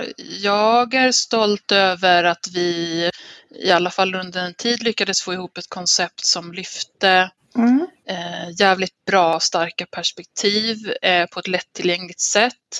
Eh, att vi hade format som jag tror Mm. väldigt mycket på, som att vi hade den här skribentenkäten där flera olika tongivande skribenter får, får uttrycka sitt om samma fråga och att inte, man behöver inte alltid tycka lika men man, man delger olika perspektiv.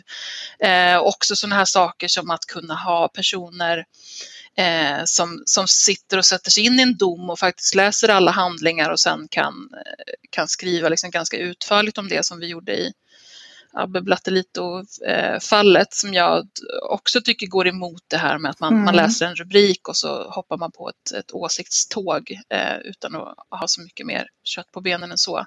Eh, så de, de sakerna skulle väl jag säga Mm. eh, var jäkligt, jäkligt bra och häftiga att vara med och bygga upp. Mm. Du då, Anna, vad är du mest stolt över? Oh, det, nej men mycket det som Kajan säger också. Ehm, att det, det finns, fort, det finns fortfarande så himla mycket bra idéer och saker som jag önskar att vi någon gång kan göra eh, och förverkliga. Ja, Eh, så. ja alltså, de, idéerna lever ju kvar liksom. Det är bara att... Ja, ja men precis. Eh, ja. Men sen är jag också stolt över oss att vi, att vi kunde säga att nej men nu, nu räcker det, det här går inte. Ja, Eh, och att gå, gå Mm. när det inte gick mer. absolut. Mm, Det är en bra grej, bra grej att vara stolt över faktiskt. absolut. Man, eh, man måste ha... Vad, vad är du stolt över Axel? Vad jag är stolt över? Ja. Eh, jag är stolt över att jag fortsätter gå till jobbet. Bra! Det är ju skitbra. Vi ser dig och hör dig i den kampen och vi, vi respekterar Ja. och hejar på dig eh, när du kämpar med det. Vi skickar lite hjärtan. Mm. Nu, nu, nu är det lite mycket. Det här är inte...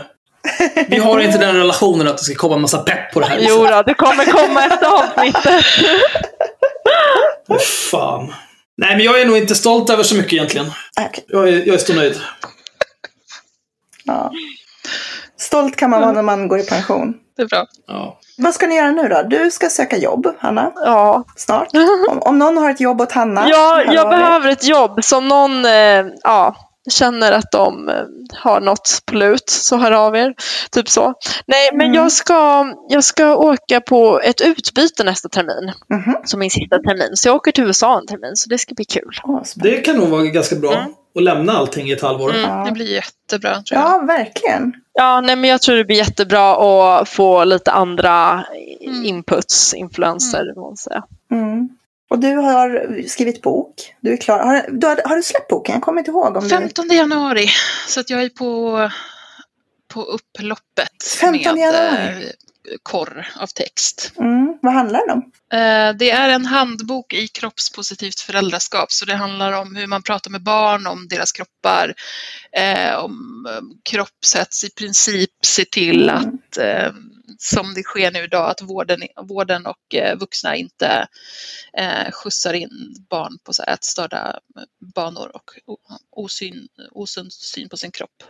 Typ så. Mm. En sjukt viktig bok. Alltså verkligen så, så viktig. Ja. Jag, jag kan inte säga att... Jag tror inte att det finns idag, va? Nej. Eller gör det? Jag, jag har inte koll på den här. Det, känns som någonting som jag inte har hört om förut. Att, Nej, jag har inte lyckats hitta någon. Eh, I alla fall. Det Nej. behöver inte betyda att det inte finns, men jag har inte lyckats hitta någon. Men det sitter jag med i alla fall mm. och försöker planera en, någon slags eh, releasefest eh, mitt i allt på andra sidan detta. Mm. Det blir bra. Det blir jävligt bra. Ja, men Mm, det... det blir bra. Mhm. Ja. Gud vad trevligt. Eh, jag sitter om här man och... vill... Om man, Ja, nej, för all del. Det var Nej, inte... jag bara det var, så här- nej, nej, nej, nej. jag tänkte bara Nej, nej, avsluta. nej, jag för all tänkte bara avsluta lite snyggt, men du kan ju Ja. komma in här och Ja, avbryta. nej men absolut. Nej, men fortsätt du. Jag har tagit för mycket plats i det här avsnittet som det är ändå. För all del. Jag går ut och plockar lite bomull så länge då. Är det okej att vi använder ditt slavnamn när vi talar med dig? Gör det. Skilleras. Ja, skulle jag. Jag tänkte om man också så här, om man vill följa er, eh, om man tycker att det här låter jätteintressant och vill få kontakt med er. Vad, Instagram, ni, använder, ni är Instagram-feminister, så ni, vad heter ni på Instagram? Jag heter Hanna Bergvall bara, så kreativ var jag. Ja, ja, Och Karin Kajan med två J. ja. Vi, länk, vi länkar till er också i beskrivningen. Vi. Det är Axel som gör det här. Ja, nej, men det gör jag så gärna. Nu har vi pratat om, om vikten av att ta öppna konflikter så kan jag ju säga att eh, Axel är, har, lägger faktiskt enormt mycket mer tid på den här podden än vad jag gör. Jag mest bara ramlar in och, och låter käften glappa typ. Nej, men det är ju ingen konflikt. Nej. Jag vill också ha en konflikt. Varför kan inte vi ha en konflikt? Men du får väl göra som jag. Ge dig ut på internet och hitta en konflikt eller skapa en. Men jag har jättemånga konflikter. Jag menar att vi ska ha en intern konflikt. Nej, det... Nej. Var är, mina, var, var är alla våra pengar? Är de på din Paypal? Alltså konflikter är bättre med främlingar för då kan man när som helst bara Tack, det är bra. Nu har jag, nu har jag fått tillräckligt mycket hat i mitt liv för idag. Nu räcker det. Jag vill liksom inte behöva ligga här och skrika på kackerlackorna innanför väggen för att du har betett dig illa. Då kommer jag gå runt och tänka på det i fem dagar och vara rasande. Jag vill inte bli arg på riktigt. Ja, vad fint. Vad fint sagt Axel. Det var faktiskt väldigt fint. Ja, det, är, det är inte fint. Jag tycker om dig också. Ja, prata aldrig med mig igen. Eh, jag sitter faktiskt och scrollar i den här tråden som vi har i vår grupp. Där, där någon har varit helt Navid Modiri och frågat eh, om våra kära Ja, lyssnare har några frågor till er. Och jag, vi har gått igenom det mesta känner jag. Eh, men jag har två frågor som jag skulle vilja lyfta. Det är ganska snabba frågor. Eh, det första är Joel som undrar vad ni tar i bänkpress. Eh, ja, kanske mm, mm, mm, 30 kilo, Mm. skulle jag tro. Mm, mm. Det är inte min favorit. Jag gillar militärpress mer. Mhm. Ja. Jag kör inte bänkpress, jag lyfter barn och viktiga saker. Du lyfter barn. Ja, men det... Vad Ja. väger barnet? Vi kan använda det som mått. Jag har två barn, inte vet jag, men säg att en är på, nej men de är väl på 50 ihop kanske. Och så har jag en liten hund också, men han väger bara 6 Ja. kilo. ja. 56 då säger jag. Och det är många reps per dag. Alltid. Speciellt på gymmet. Jag drar med dem dit och så lyfter jag dem. Upp och ner, upp och ner. ja. Lägger upp dem på en hylla. Oh ja. Smör, jag smörjer in mig med, med rapsolja först så att jag är riktigt blank och fin. Bara för att flexa på alla andra morsor som lämnar bort barnen medan de går och tränar. Så är jag. Ja. Nästa fråga. Nästa fråga är från Mattias som undrar om ni bara fick äta en pizza för resten av livet, vilken hade ni valt då? Havets. Havet, vad är det? Vad är det på en sån? Musslor, räkor gissar jag. Musslor, skaldjur, eh, gärna sardeller också. Och svarta oliver. Hmm. Oj. Ja. Åh shit. Jag gillar ju sån här bananpizza med curry och jordnötter. Jag tycker det är gott, men, men jag vet inte om hela livet kanske. Det är inte riktigt PK att tycka det. Det kanske blir lite too much. Men, men Här rent är spontant ju- är det enda, alltså det är det jag är sugen på just nu. Så att ja, just nu känner jag så. Jag backar dig i det, Hanna. Ja, tack. Det här är ju så jävla haram alltså. Ja, du, fick, du, du säger att du inte fick något hat efter gardet, men nu jävlar. Nu, det här kommer Nu har vi inte startat en konflikt. Nu har du, nu har du bränt din publika person. här. Ja, det- jag, jag kan säga så här, jag brukar, ta, jag, jag brukar ta ananas på min vegetariska pizza och det brukar jag få, det har jag fått ta skit för. Men det ska vara något lite sött. Men något lite sött på. Det förhöjer. Som din ananas. Vadå, är det den här, är det den här frukt, fruktig mat-grejen? Ja eller? men alltså, ja men salt och sött, alltid. Salt, sött, det är en Mm. kombon, alltid. Så blir det bra. Ja, jag saknar ord. Men vad äter du för jävla pizza då? Capricciosa? Capricciosa. Jag visste det! Ja. Du är så jävla mellanmjölk. Ibland tar jag salamino utan tomat med champinjoner. Det är som en capricciosa med salami istället för skinka. Det är perfekt. Lite wild and crazy sådär. Ja. Ja. De har en pizzeria här, Il Forno da Nova. Där får man också chili och vitlöksolja och eh, svarta oliver. På salamino. Det var en väldigt maskulin pizza. Det, det var väl inte... Jo. Mm, Det väl inte definitivt. Mm. Nej, men jag menar att den är så här, det finns inget utrymme att, att liksom tvivla på att det är inte en man som har beställt den här pizzan. Och att han kan känna sig väldigt trygg när han äter den. Du menar tråkig eller? Tuggar den på ett manligt sätt med öppen mun. Ja. Men annars är ju Axel, alltså du är annars ganska så här pysslig och typ tycker om att koka buljong och grejer. Så att det förvånar mig lite grann att du är så tråkig med pizza. Men eh, vad har jag för glädje av att någon annan har fått stå och laga mat och ha trevligt? Då kan jag bara äta något. Bara mosa in någonting i ansiktet och gå därifrån så att du kan göra någonting annat som spelar roll. Så jävla solstråle. Ja, det, du, du förstår, det är en ständig källa till glädje. Underbart. för mig, Detta. Ja, jag förstår det. Ja. En jävla Det Bumbibjörn. är så här vi har det. Ja, Har ni... Eh, men just, precis, har ni någonting annat ja, som nej, nej, för all del. För all del. Nej, nej. Ja, Förlåt, nej men jag, jag Nej, nej, jag vill inte längre. Så det... nej okej, nej. Vad brusigt. Har ni eh, några avslutande ord? Eh, nej, nej, men det var väl eh, superbra att få liksom, möjlighet att, att bemöta grejer och som sagt så hoppas vi väl att det här är, som Hanna och jag har pratat om tidigare, att vi hoppas att det kan få räcka nu. Att vi får göra annat eh, och, och slipper Mm. mer sånt här. Trevligt nog att Mm. prata med er men, men Mm. hoppas att vi slipper framöver. Ja, ja men precis. Nu, nu är det summerat och klart, klappat och klart. Nej men eh, tack för att vi fick komma och prata. Det var trevligt. Ja, ni är välkomna. Jag har bara en reflektion kring det där att ni hoppas att det är klart sådär. Eh, jag förutspår att motparten kommer se det här som en upptrappning i en pågående och eskalerande konflikt. Jag tror nog att du mycket väl kan ha rätt i det. Eh, men då, där börjar jag bli inne på din linje med att det, eh, att det kan man inte bry sig om så mycket. Vi kan, vi kan inte styra det. Nej, Nej. nej men precis. Och det är absolut en risk. Och jag, jag menar, jag tänkte på det inför det här. Så här vi orkar jag verkligen? Orkar jag göra det här med tanke på den risken? Men jag känner ändå att vi är tvungna att bemöta Mm. allt som sagts. Och det känns skönt att ha gjort det. Eh, Mm. Mm. Helt enkelt. Ja, Ja. Ja, nej men det är bara att höra av er om det blir något tjafs. Så tar vi, vad blir det? Vad är vi inne på för runda? Två, tre, fyra? ja alltså för min del, om, om Cissi hör av sig nu och vill vara med igen, Ja, hon är välkommen. Hon kan... kör. Och sen kommer ni igen. Jag vet inte, 245 nya patrons förra månaden. Perfekt! vi, har, vi har content för resten av året. Så firar vi jul ihop och så käkar vi pizza med banan ihop. Ja! En julspecial! Ja, Åh, vad mysigt. Med det bjällror. blir som någon sorts Ingmar Bergman-pjäs av alltihopa liksom. Åh, gud. Åh! Ja. Norensk jul. Underbart. Jag lagar all mat. Mm. Ja, nej men eh, jättekul att ni eh, ville vara med och vad skönt att få liksom någon sorts helhetsbild på alltihopa också. Eh, tycker jag. Ja, vad bra. Jättebra. Så hoppas jag också att jag slipper prata om det här någonsin igen. Ja, men vad skönt. Super. Vi, vi bestämmer det. Yay! Det är bra, vi bestämmer det. Det låter bra. Ja, nu är vi Okej. klara med det här. Absolut. Bra. Eh, ja, tack för den här tiden. Eh, glöm inte att eh, jag inte bryr mig om vad du tycker, kära lyssnare. Däremot så ser jag gärna att du ger mig och mina poddkollegor pengar genom att bli Patreon. Omedelbart. Bra, tack! Hej! Puss hej! Ni vill inte säga hej då eller? Hej då, pu- puss och kram! Jaha. Jag vet inte om jag var inbjuden till det. Hej då!